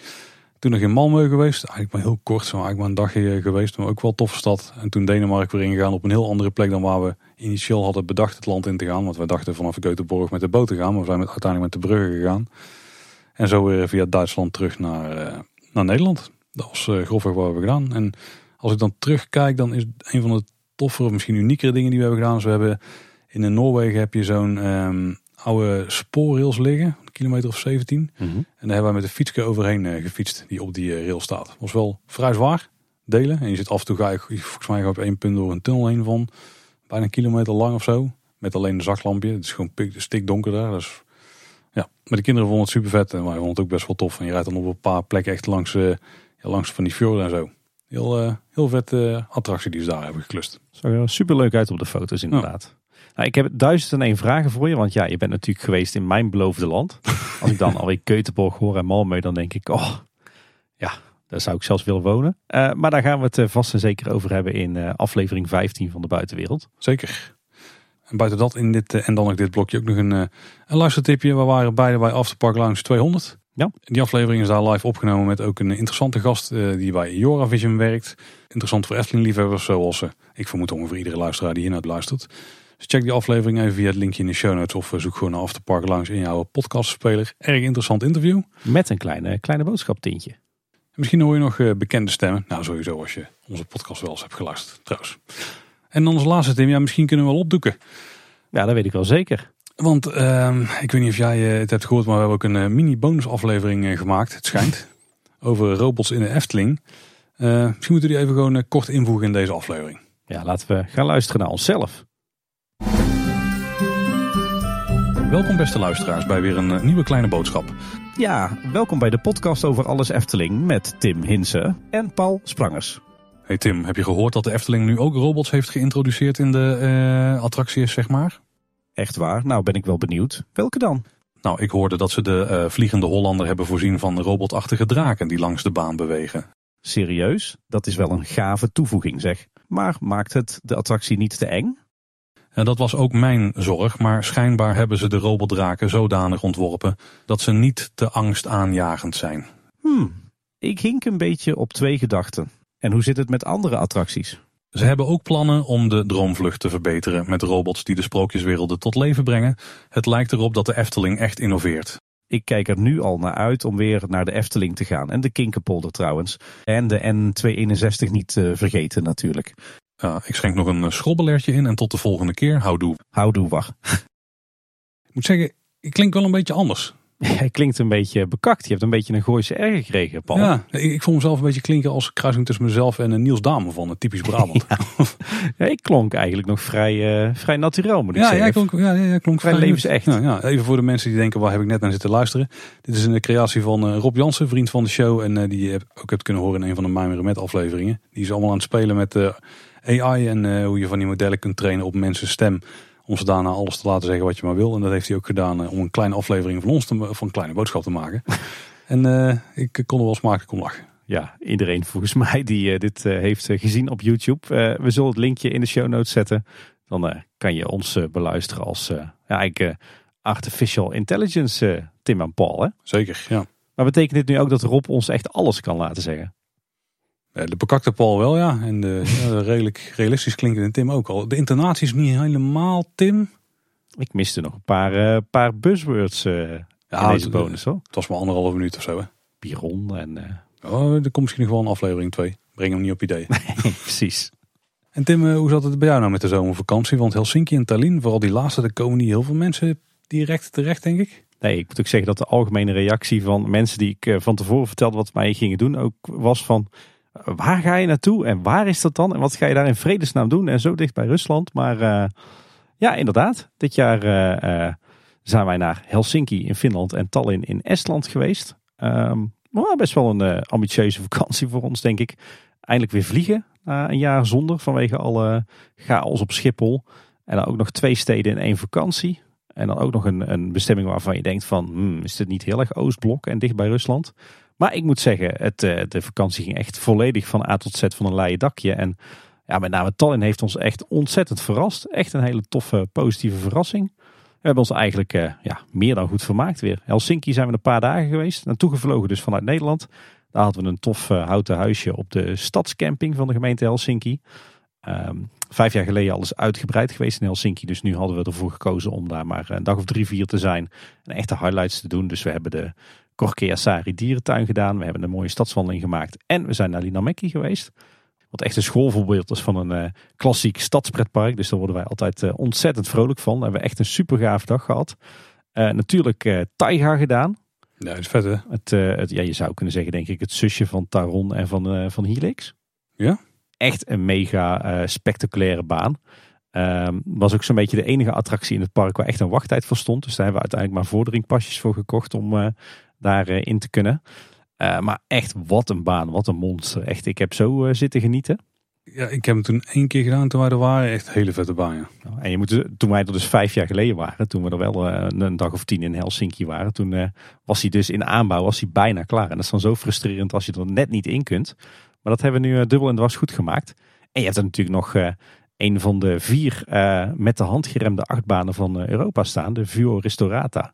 Tenminste, dat begreep ik laatst van, uh, van Danny van der Wild. Dat er maar vier zijn in Europa. Ja, dat is toch ook wel een heerlijk ding hoor. Een houten achtbaan uit 1950. Nog steeds met een, uh, een remman in de trein. Ja, ik kan daar echt wel van, uh, van genieten. Maar we hebben er sowieso een hele toffe dag gehad. De kinderen waren nu allebei ook groot genoeg om uh, overal in te kunnen. Dus we hebben alle vier zo'n zo'n bandje gekocht waarmee je onbeperkt in alle attracties kon. En we hebben echt een, een topdag gehad daar. En dan hebben we de veerboot gepakt naar Tallinn. De hoofdstad van Estland dus. Echt een schitterende plaats. Met een heel mooi historisch centrum. Echt nog middeleeuws. En uh, ja, ook daar hebben we een aantal dagen de tijd genomen om de stad te verkennen. We zijn naar de dierentuin geweest. We hebben de, de televisietoren bezocht, wat echt wel zo'n uh, zo'n Oostblok uh, apparaat is. we hebben een hele toffe dag gehad in het Maritiem Museum. En ook een hele toffe dag gehad in het, het Openluchtmuseum. En daarna weer de boot teruggepakt naar Helsinki. En vanuit daar terug naar Nederland gevlogen. Dus een hele intense vakantie. Maar ja, wat ik zeg, het ging van A tot Z hartstikke goed. En alles was eigenlijk gewoon, uh, gewoon top. Dus uh, ja, heerlijke vakantie gehad. Alleen wel weer veel te lang geleden. en uh, daar heb ik ook nog, nog veel meer over te vertellen. Maar goed, dat, dat horen jullie natuurlijk in de buitenwereld. daarna overigens de afgelopen weken wel heel veel uitjes in en om eigen land gedaan. Ik zal even een paar highlights eruit pikken. Anne en ik zijn weer eens een keertje met z'n tweetjes naar Fantasialand geweest. Dat moet ook een mooie dag zijn geweest. Ja, de kids die hadden een, een of andere feestdag op de PSO. Maar ja, wij hadden nog vakantie, dus uh, wat doe je dan? Op en neer racen naar Broel. Ja, nou ja, in ieder geval op en neer racen naar een pretpark waar je met kleine kinderen nog niet naartoe hoeft. ja, ja, maar dat we vorig jaar naar Walibi Holland zijn geweest en nu Fantasialand. En daar moesten we echt naartoe, want ja, Fly was open en uh, daar waren we nog nooit uh, in geweest. Dus we troffen toevallig goed. Het was heel slecht weer voorspeld. Uiteindelijk is er geen druppel regen gevallen, maar daardoor was het echt extreem rustig in het park. Overal walk-ons. We hebben zelfs voor Fly maar 10 minuten hoeven wachten. En ja, wat een monster is dat joh. Wat Echt vond je een wel? geweldige baan. Ja, heel tof. Nou, ik moet zeggen, de achtbaan zelf is eigenlijk, de baan is niet spectaculair. Uh, wel het hangen in zo'n flying coaster, dat was voor mij een volledig nieuwe ervaring. Ja, weet je, het is eigenlijk gewoon een gimmick. Het is gewoon heel vet om uh, hangend of eigenlijk liggend door zo'n achtbaan te scheren en echt in je beugel te hangen. De baan zelf is vooral rondjes maken, dus niet heel spannend. Maar ja, vooral dat totaalplaatje met dat themagebied wat echt gewoon helemaal van A tot Z gethematiseerd is. Met zo'n uniek, bijzonder thema. Wat zo goed is doorgewerkt. Ja, dat spreekt me toch wel aan. Het is een beetje retrofuturisme. Het is een beetje Jugendstil. Het is asfalt. Het is staal. Het is rook. Het is olie. Ja, weet je, het is gewoon echt een heerlijk plekje. Ik vond nou die baan op zich wel leuk. Alleen niet super comfortabel bij de momenten dat er... zijn dan negatieve G-krachten. Daarbij kom je uit je stoel normaal gesproken. Nou, in ieder geval als je echt in die beugel wordt gedrukt, dan is het even oncomfortabel. Maar de momenten dat je juist airtime hebt, oh, die zijn echt goud. Ja. Dat zijn echt hele vette stukjes. Ja, ik vond hem sowieso wel echt lekker hoor. Ik moet zeggen, als je zo echt in je beugel wordt gesmeten, dat je denkt van, och, ik hoop dat dat ding mij houdt. Vind ik ook wel vet hoor. Ja, dat vond ik iets minder comfortabel. En, een- en een heel ingenieus bagagesysteem daar. Ja. ja. Oh, is ook echt heerlijk gegeten bij Oerwerk. Wat een heel klein restaurant is. Een heel eh, luxe restaurant eigenlijk. In het, eh, het themagebied in Rookburg. Kan ik echt iedereen aanraden. Eh dankjewel redactielid dat die tip aan mij gaf. Echt, echt bijzonder smakelijk gegeten. Ja, en verder sowieso een toffe dag gehad. Eigenlijk alle grote attracties wel gedaan. Natuurlijk mijn lievelings, hè, de Mystery Castle. Uh, maar ook ontzettend genoten weer van Taron. Ontzettend genoten van Black Mamba. Wat, wat mij betreft toch de allerleukste achtbaan van uh, Fantasieland blijft. En nog een tweede nieuwe restaurant ontdekt. Waar wij ook onze vingers bij aflikten. Namelijk in Alt-Berlin. Turchen Co. Opvolger van Heino. Waar je echt heerlijke taartjes kan krijgen met een lekkere bak koffie. Is dat tentje links vooraan? Ja. Ja, dat is een goed tentje. Ja, het is echt een topdag gehad in Fantasialand. Um, we zijn ook eindelijk naar Dolores geweest. In Tilburg, even voor de mensen die niet meeschakelen. Ja, Tilburg. En uh, Meta-Mees noemen ze het zelf. Het is iets heel bizars. Uh, je moet het een keer gedaan hebben. Het is eigenlijk een soort kruising tussen een escape room, een walkthrough en kunst. En een Monkey Town.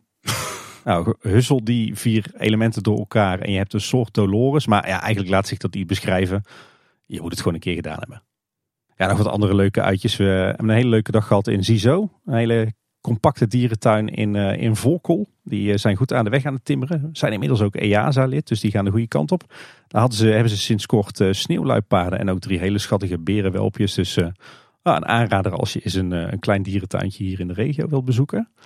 We zijn naar het vernieuwde Nijntje Museum geweest. Ik denk wel de laatste keer, want onze meiden worden er echt eh, te oud voor. Maar dat is een ontzettend populair museum en ze zijn eh, sinds kort twee keer zo groot. Met een heleboel nieuwe interactieve ruimtes en ook een hele gave 360 eh, graden film en een restaurant wat erbij is gekomen. Dus dat hebben ze heel tof gedaan. we zijn ook nog een dagje naar Safari Park Beekse Bergen geweest. Waar inmiddels de nieuwe olifantenvallei is geopend. Eerder dit jaar eh, kreeg ik er al een, eh, een, rondleiding over de bouwplaats. Maar het was heel tof om het nu te zien terwijl het echt helemaal af was. En het is best wel bizar, want je hebt daar in het begin van het park heb je heel lang een bosgebied gehad. Ja, waar eigenlijk niks te doen was. Eigenlijk een beetje een rommeltje was. En dat hele gebied is nu helemaal opgeschoond. En is echt een enorm verblijfsgebied geworden voor de olifanten. Die je langs alle kanten kan zien. En er zijn allerlei leuke kijkplekken ontstaan. En een tunnel en, en water en uh, wat speeltuintjes en een zitje en een terrasje. En nou, landschappelijk zit dat echt hartstikke goed in elkaar. Dus echt heel tof uh, hoe de mensen bij Libema dat, uh, dat hebben aangepakt. En nog twee hele schattige uittips hier in de buurt. Voor mensen die eens een paar uurtjes iets aparts willen gaan doen in de regio. we zijn naar Pluktuin de Langedam geweest in Waspik. Waar je gewoon verse bloemen kan plukken. Als je een keer eh, zelf een boeketje wil samenstellen.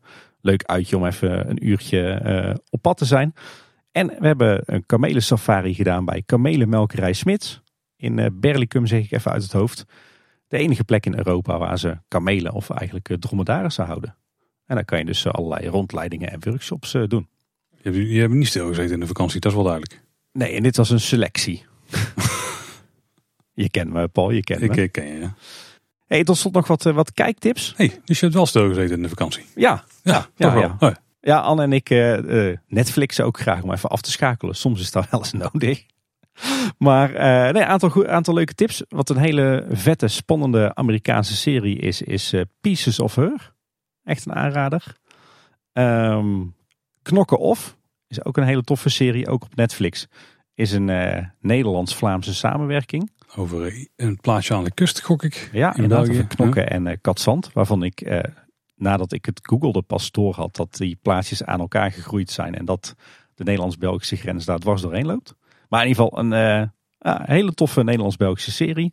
En ja, een guilty pleasure van mij. Onder vuur, een Belgische serie over de brandweer in Oostende. Die heeft een heel tof tweede seizoen. Dus dat is ook een, een aanrader. En ik heb Oppenheimer gezien in de bios. Oh, vet. Ook echt een ontzettend grote aanrader. Zeker als je wat hebt met natuurkunde, scheikunde, atoombommen, Tweede Wereldoorlog. nou ja, vink ze allemaal maar af, toch? Ik heb wel met atoombommen. ja, precies. Wie niet? Dus ja, zomaar wat, wat kijktips voor als je ook even wilt afschakelen. En dan zijn we nu wel aan het eind van de aflevering gekomen. Nu is het wel zo dat we nog een paar mededelingjes hebben. En ten eerste, wat we eigenlijk voor het eerst zes weken geleden hebben gemeld, maar daarna een aantal weken niet, omdat die afleveringen lang klaar stonden. We hebben een kleine boodschapshop tegenwoordig voor de mensen die merchandise willen kopen. Dus wil je een t-shirt hebben met ons logo of wil je het eh, item kopen wat onze uh, gastdesigner, uh, die we eens in x maanden hebben, heeft ontworpen. In dit geval Richard, die een hele toffe kabouter heeft ontworpen, die gaat klussen aan Strookrijk. Echt een eh, heel goed item. Doet het ook heel goed trouwens in de, in de verkoop. Dan eh, kun je naar eh, kleineboodschap.com slash shop om te kijken wat we allemaal hebben. We hebben ook mokken en zo hoor. En truien, t-shirts, polo's, alles wat je wil. Ik heb het nu aan hè? Je hebt hem nu aan. Bedrijfskleding. Ik, ik, ben slecht voorbereid Tim. we moeten zelf trouwens ook eens even gaan shoppen weer. Want ik heb nog niet zo'n kabouter in de kast liggen. Ik ook niet. Daar ik het even gaan bestellen. Ik had hem laatst aan na het, werk en er waren zowaar collega's die het, het logo herkenden. Oh ja, ik, ja, ik heb hem in een Teams-meeting al eens aangehad en toen werd ik ook, er, werd ik ook herkend. Nou, mocht je in ieder geval interesse hebben, kleineboodschap.com slash shop, dat is de plek waar je daarvoor moet zijn. Nou, dan de volgende herinnering in, komt tijd technisch best wel nauw. Het grote kleine boodschap luisteraarsonderzoek voor 2023, die loopt af op 1 september. Dus heb je nog een paar dagen voor om die in te vullen. We hebben al ruim 600 reacties gehad. Dus nou, als je wil zorgen dat ook jij een van de mensen bent die heeft gereageerd, dan moet je nu naar kleineboodschap.com slash onderzoek gaan. En dan even het formuliertje invullen wat je dan tegenkomt. Ja, we willen graag weten wie jij bent en wat jij van onze podcast vindt en wat we nog beter kunnen doen. En als laatste, ja, we hebben nog een URL die we moeten noemen even. En dat is kleineboodschap.com slash de glazen bol. Want daar kun je jouw voorspellingen achterlaten voor eh, de nieuwe glazen bol aflevering die we gaan opnemen later uh, dit jaar. Ja, en dan ons dan de uitdaging om de stellingen, of eigenlijk de voorspellingen eruit te, te pikken die, uh, die de komende 365 dagen werk, werkelijkheid worden. Zeker. Nou Tim, dan zijn we er weer doorheen. weer, weer. Het was nogal een, een lange zit. Nou, het was ook een lange zit waar we weer mochten beginnen. Dat is waar. Uh, heb je nou een vraag voor ons of wil je iets aan ons kwijt? Dan kun je dat op veel verschillende manieren aan ons kenbaar maken. Als je naar kleineboodschap.com slash volgen gaat, dan vind je alle social media kanalen en alle andere locaties waar je een uh, berichtje naar ons toe kunt sturen of contact kunt opnemen. Ik, ik moet die pagina wel nog bijwerken, Tim, want uh, Twitter is natuurlijk veranderd in X. Ja. Wat echt een ontzettende scheidnaam is, dat terzijde. Nou, volgens mij werkt twitter.com slash kboodschap ook nog gewoon hoor. Ja, tuurlijk. Want het is half werk was het er afleveren met al die wijzigingen die ze op de bonnen voor je een beetje doen. Lijkt de voorgever van het carouselpaleis Dus, dus ik heb ook, uh, nou laten we zo zeggen, ik ga X pas aanpassen als hun de URL fixen van hun uh, website. Ja? ja. Dus zolang blijft, blijft het gewoon Twitter eten. Maar ook de andere social media kanalen die je gebruikt, daar kun je ons op vinden. En als je wat langer berichtje wil sturen, dan kun je het beste waarschijnlijk een eh, mailtje sturen. Zeker als er bijlagen erbij zitten, zoals voice clips die je meerdere hebt gehoord in deze aflevering. Maar je kunt ook altijd een eh, bericht sturen via de website, want we hebben daar ook gewoon een contactformuliertje staan. Dat mag wel duidelijk zijn alle URL's die we hebben opgelezen, maar dat is natuurlijk kleineboodschap.com. Ja, je luistert Kleine Boodschap natuurlijk in je favoriete podcast app of op Spotify. En luister je ons daar nou, uh, zorg dan dat je je zeker abonneert. Dan mis je geen enkele aflevering. En wil je de buitenwereld luisteren over onze vakanties, dan uh, moet je je even apart abonneren op de podcast De Buitenwereld. Want dat is een uh, apart kanaal. En verder luister je ons natuurlijk ook gewoon op de website. Dat is, nou, je weet het inmiddels, kleineboodschap.com. En naast alle afleveringen en het contactformulier vind je daar ook alle show notes. Dus die we in deze aflevering hebben aangehaald. En we vinden het trouwens ook altijd leuk als je een rating of een review achterlaat. Bijvoorbeeld in eh, Spotify of eh, Apple Podcasts. Alhoewel de beste reclame voor Kleine Boodschap is natuurlijk wanneer je nog vrienden of bekenden of familie in je omgeving hebt. Die ook de Efteling hartstikke leuk en interessant vinden. En je wijst hen eens op het eh, bestaan van Kleine Boodschap. Dat was in ieder geval weer sinds heel veel weken voor deze nieuwsaflevering. Nou, ik ben echt blij, Paul, dat we na zes weken vakantie eindelijk weer tegenover elkaar zitten. En weer eens een lekker lange nieuwsaflevering hebben mogen maken. Ja, ruim drie uur kletsen. Ik weet niet wat er van overblijft, maar zit ik er helemaal in. Ik ook. Ik heb zin in de volgende opnames. Nou, in ieder geval bedankt voor het luisteren. Tot de volgende keer en houdoe. Houdoe.